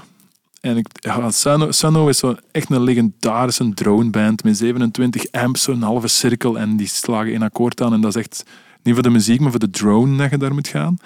En ik vind dat heel cool. Ik heb die ooit gezien in, in een kerk in Leuven, de Predikerenkerk. Het was een witte kerk en gewoon de kalk viel van het dak af. Zo hard drone het. Maar nu vind ik, zijn ik weer zo... Nu verkopen ze ook zo... Je hebt dan gewone tickets voor de show, maar je hebt ook eh, VIP-tickets mm, aan 40 euro meer om bij, de, om bij de soundcheck te mogen zijn. Die een tour opgegaan. En dat vind ik heel cool als band, maar bij Sunno had ik dat nu niet verwacht. En nog een klein dingetje. Ik heb gewacht tot als je ging uitspreken, maar het is eigenlijk sun. En dan die O, dat is de zon, die moet dat voorstellen. En die straaltjes daaraf. Dus het is eigenlijk sun. Maar ik zei vroeger ook altijd sun. Ja, maar dat is een, dat is een merk van versterkers eigenlijk. Hè. Zot, hè? Ja. Maar, maar hun naam komt van een merk van amps en, en dat Klopt. bolletje is gewoon het logo van, van de dingen. Klopt. En Ik heb dat Als je al zo moeilijk aan moet doen over een naam, mijn god zeg. Het is Ze zijn van het zagen. Nee, nee, nee, nee. Ik heb nee. ooit in een AB gezien en die drones, dat is echt ziek. Ik bedoel, ik stond daar echt in die... Dat dat was in de grote zaal. Ik stond daar echt van, oh shit. Ja. Ik gewoon even naar buiten ook moeten gaan. Maar Ja, zelfs ja. als je buiten stond, uit de zaal, voelde het nog altijd zo diep of zo zwaar dat dat... Ja, maf. Ja. Ja, dat is echt van het luidste dat er bestaat. Hun backline is ook, dus de amps ze spelen is ook legendarisch. Dat is ook allemaal van dat merk, plus een paar dikke Ampex, een andere eh, ja, basversterker merk. En die is blijkbaar de Europese eh, amps staan in Amsterdam gestockeerd, heb ik horen zeggen. John Coffey kent er ook volk van. Ehm, en dan de laatste, eh, de zesde, op 28 september. eh Old School ook. Campus was een band van de Senderlo vroeger. Eh, die waren in één keer terug op Pukkelpop, op dat basketbalveldje van Pukkelpop. Deden ze zo pop-up shows en die hebben daar een show gedaan. En die doen op 28 september de gratis aftershow van While She Sleeps, Bury Tomorrow en Polaris in de AB Club mogen zij dan spelen. En er komt een reprise aan van de O-Comedy plaat en ze gaan nieuwe muziek opnemen. En dit is een beetje de première, de primeur daarover. Ik Dat denk, wordt dat jij vandaag een, ik denk dat jij een grote fan waart. Eh, die, zaten, die zaten in dezelfde scene en op hetzelfde label, ja. En Nice. dat, dat was eh ja, heel Shout-out cool, coole naar gasten. Nick. Ja, voilà. Oké, campus dus. Graaf. Voilà, dat waren er zes, denk ik. Ja, zeker. Zes om te horen. Dat zijn nog een paar extra releases die je zeker in de gaten moet houden. Eh, op 1 september Guar, die mannen met de zotte pakken. Eh, Battle Maximus 10th Anniversary Edition. Eh, het, is, ja, het, is een speciale band. En ik wou ze er toch in steken. Omdat, we hebben hier ooit al eens gezegd in een vorige aflevering, stel dat die mannen hun pakken vergeten op de luchthaven. Haha, dan kunnen die gewoon niet spelen. Maar die hebben die vergeten voor Downloadfest en die konden dat niet spelen. Zo was het. Zo was het. en ze hebben een Tiny Desk Sessions gedaan. Ken Allee. Tiny Desk Ja, op YouTube? Ja. Zij hebben dat gedaan met hun pakken. Dat is zo'n hele intieme setting. Ja. Serieus? Oh. Dat is keigoed. Moeten we checken. 15 september dan eh, Mayhem, eh, Demonic Rights en eh, ook op 15 september Shining. Dat is een band die al heel lang meedraait. Eh, eind jaren 90 zijn die opgestart. Eh, en die brengen nu eigenlijk een self-titled album uit, Shining. En ze gaan eigenlijk zo wat de mainstream tour op dan, denk ik. Hè? Wie doet Oeh. dat? Shining, Shining. Op Napalm Records. Eh, heel benieuwd wel naar hoe dat, dat gaat klinken. Toch gewoon een grave band. Op 15 september ook nog Danko Jones met Electric Sounds. Eh, en dan op 29 september, dat is gewoon, ja, ik, ik denk aan mijn, de 15-jarige mezelf. Green Day brengt een, eh, een Anniversary Deluxe Edition uit van Dookie. Dookie is toch wel een album dat ik heel, heel, heel vaak gespeeld heb. En dan heb ik er vijf, dus nummer zes, dat is Fat Dog. Eh, ik heb die gedraaid in de eerste zwaarste show van het nieuwe seizoen op 28 augustus. En je moet die goed in doog houden. Want ik denk dat die nog gaan ontploffen in de maand september en de vele maanden daarna. Ze komen ook naar ons land, naar Sonic City Festival in Kortrijk. Fat Dog. Britse band. En dan zitten we bij zes om te weten, Peter. Zes om te weten. Ah, wel, ehm, ik heb een gast leren kennen in Gent, die noemt Tim Troncoux. En dat is eh, Fotograaf. een fotograaf, internationale fotograaf. eh, heel bekend oh, ja, in, in de metal scene ook voor, voor, voor zijn prachtig werk. En heeft nu samengewerkt met Colin van Amara om de werken van eh George Minne, dat is een beeldhouwer, om die te vertalen naar fotografie. En eh, eh, op 8 september, eh, nee, op 7 september is de opening in Gent in het Museum voor Schone Kunsten, denk ik. En daarna loopt de expo van 8 september tot 1 oktober in Tim zijn studio, in zijn eigen studio in Expo 23 in Gent. En dat is Colin, ja, die poseert voor Tim. En dat is wel cool. Dat is ook een boek, daar zijn 600 stuks van gedrukt. En die kunnen dan kopen. Zalig. Marijke, fan van Tim. Ja, ja, ik ben een fan. Dat is een van, denk ik, de eerste zo metal-fotografen of zo dat ik ooit ontdekt heb. En dat is echt wat, wat hij doet, die portretten en zo, dat is echt dat is iets anders. Ja. En eh, ja, mega cool. Want ik denk dat ik die beelden van Colin, ik denk dat er al een paar op Instagram Ja. stonden. En ik heb dat gezien en ik dacht wel echt van, wauw, dat is wel cool. Omdat je van zo'n ruige scene toch iets heel clean en mooi kunt maken, dat toch nog stoer is, dat is echt... Ja, dat is niet normaal. En dat is ook een, een fotograaf. Ik denk dat hij op ehm Alcatraz ook wat portretten genomen Ja. heeft. Ja. Blijkbaar werkt hij heel snel, wat voor veel bandfotogra- eh, bo- bands toch belangrijk is. En dan zo'n niveau afleveren, heel grote fan van. Ja. En een hele toffe gast. Want ik heb hem eerst leren kennen, gewoon, hij woont eigenlijk in mijn buurt. Als gebuur, omdat hij met zijn hond aan het wandelen was. En gewoon beginnen babbelen, beginnen babbelen, beginnen babbelen. En ineens, ah ja, je trekt foto's. En, zo, en dan, oh ja, oh, oh, we zijn eigenlijk connected in some way. En dat is eigenlijk nog cooler als dan zo'n mensen ook nog. Maar eh, ons, die heeft ooit toch zo'n boek gemaakt, Tim, waar dat is, ja, ik weet niet het- de hoeveelste eeuw, maar dat is zo allemaal van die ja, metal eh personen, ik denk Within Temptation en zo, in van die kostuums gestoken. Echt super, super. Ik denk dat een Alex er ook in staat. Ja. Dus, Maar hij heeft eh, ook al shoots gedaan voor Alex zijn, zijn ja, zijn, zaalshows. ja, zijn zaalshows, Ja. dus, eh, dus zo. Echt Maar, een gast. ja, eh, en zijn stijl is echt speciaal voor, eh, voor wat Ja. hij doet. Expo dus van 8 september tot 1 oktober in eh, zijn studio Expo 23 in Gent. Yep. Nice. Eh, op 10 september eh, werd er ook muziekgeschiedenis geschreven in 1991. Enig idee? Nee. 91, dat is het jaar Wacht, dat er... Nirvana? Ja, jongen. Is Ja. dat? Je kent me al een beetje ondertussen. Hè? Ja, toen, toen is Smells Like Teen Spirit uitgekomen. Eh 32 kaarsjes dus voor deze. Ze hadden toen eh, ook net op Pukkelpop gespeeld. Toen hebben ze een band Limbo Maniacs vervangen, denk ik, als op zo'n beginslot. En twee maanden daarna komt Nevermind uit. En dus op 10 september voor het eerst Smells Like Teen Spirit op de wereld losgelaten. De riff, de riffs. Mag ik dat zeggen? Met een legendarische videoclip opgenomen in de high school waar de Red Hot Chili Peppers zaten. Shinfo, zeg even. Je hebt die bezocht Ik of zit zo? echt zo vol met van die debiele weetjes. Dat is keigoed. Ik echt Maar jij bent naar Amerika geweest. Je hebt die misschien gaan bezoeken of zo. die nee, maar ik ben daar wel gepasseerd. eh, Fairfax noemt die school. eh, Ik ben daar wel gepasseerd, niet binnen, binnen geweest. Of zo. Ik ben wel zo, zodanig nerdy geweest om zo naar Sound City te rijden. Zalig. Waar dat je niet binnen mogen. hè. Maar ik heb dan wel de buitenkant gezien. Zo Studio 606, ook zo voorbij gepasseerd. maar dus ja, eh, bij deze weet, weet je nu ook dat, eh, welke school dat, dat is. Ah, ik, zal, Dank ik, u. zal Ja. ik zal aansluiten met een ander eh nutteloos weetje. Op 25 september is het One Hit Wonder Day. Ja, Voilà, dat weten we ook weer. En de song die ik daarbij heb gezet is Drowning Pool. Zegt u nog iets? ik heb daar voor het programma nog voor gespeeld. Chaka. En was het echt een one-hit wonder? Ik ken er toch maar één nummer van. En die, maar dat was, dat was, ja, die gast was ook, een half jaar later was die dood. Oei. Eh, ja. die zanger is, eh, ja. heeft geOD'd, denk ik, op een tourbus. Maar dat was super cool om met die gasten zo te hangen. Ja. Voilà. Komt in de playlist. Eh, yes, Thomas. Op 18 september in 1983, dat is exact 40 jaar geleden, eh, trad Kies op op MTV. Zonder make-up. Ella. Waar vind jij die weetjes eigenlijk? Ja, voilà. Hey, hey, je moet het maar weten, hè. 40 jaar geleden zonder make-up. En wat denkt je? Ja, het zal beter geweest zijn dan nu, denk ik. Muzikaal misschien wel, maar het trok op niks. Ze hebben dan toch daarna besloten van we gaan dat nooit meer doen. Vanaf nu is het altijd met. Ik heb eh, onlangs gelezen dat die dus... eh, Ze, ze, ze zijn nu aan hun 46e afscheidstournee of zoiets bezig. Hè.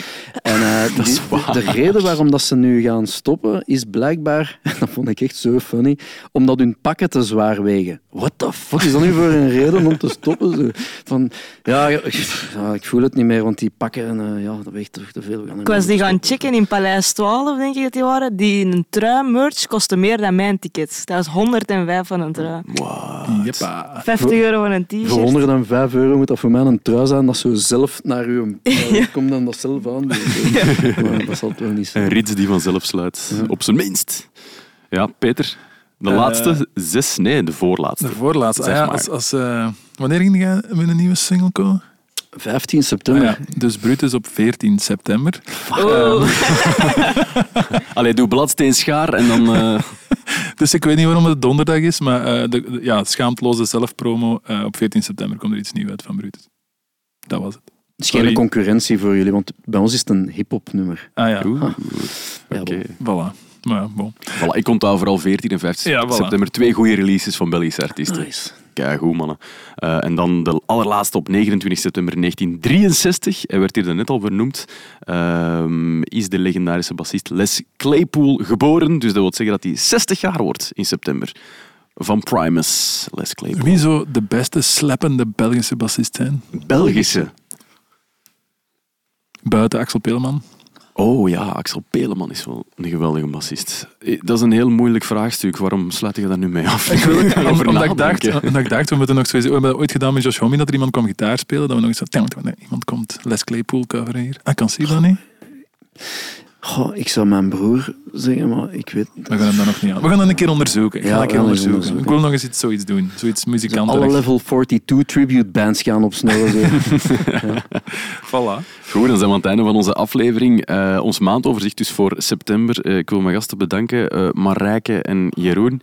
Merci om erbij te zijn. Bedankt voor de uitnodiging. Nog een, laatste, nog een laatste vraagje. Wat staat er nog op jullie radar? Zijn er nog plannen? Vakantie? Nog leuke samenwerkingen? Ehm, wij beginnen met Welkom to the EE met een nieuwe studio. Dus dat is heel spannend. En voor de rest, eh, ja, dat is wat een beetje het grootste dat er zit aan te komen. Even een kort vergelijk. Doen we het goed zo'n beetje? ja, Als je- ja, doe het ook. eh. Ja. Zeker, zeker. Oké, oké, is goed. Bedankt. Dat zijn Eh, spannende ja. tijden. Ja, Jeroen, voor u ook? eh? Ja, shows spelen. Hè. Ehm, nog een, een paar festivals en dan begint onze clubtour eind van september. Een paar shows in Nederland en ook in België. Eh, dus voilà. En vanaf nu met een gouden plaat tegen uw muur. Ja, Mai, Hopla. Nog eens bedankt. Heel, heel, heel Met graag gedaan. plezier. Dikke merci om erbij te zijn. Het was hem weer. Merci om te luisteren. En eh, laat ons ook weten hoe zwaar uw maand eh, september zal zijn. Hè. Eh, we hebben zoveel releases opgesomd, maar wie weet hebben we toch nog een paar briljante releases over het hoofd gezien. Dus eh, laat het ons weten. Stuur het naar zwareklap.vrt.be. En eh, nog eens bedankt om te luisteren en er weer al bij te zijn. Tot de volgende. Doei.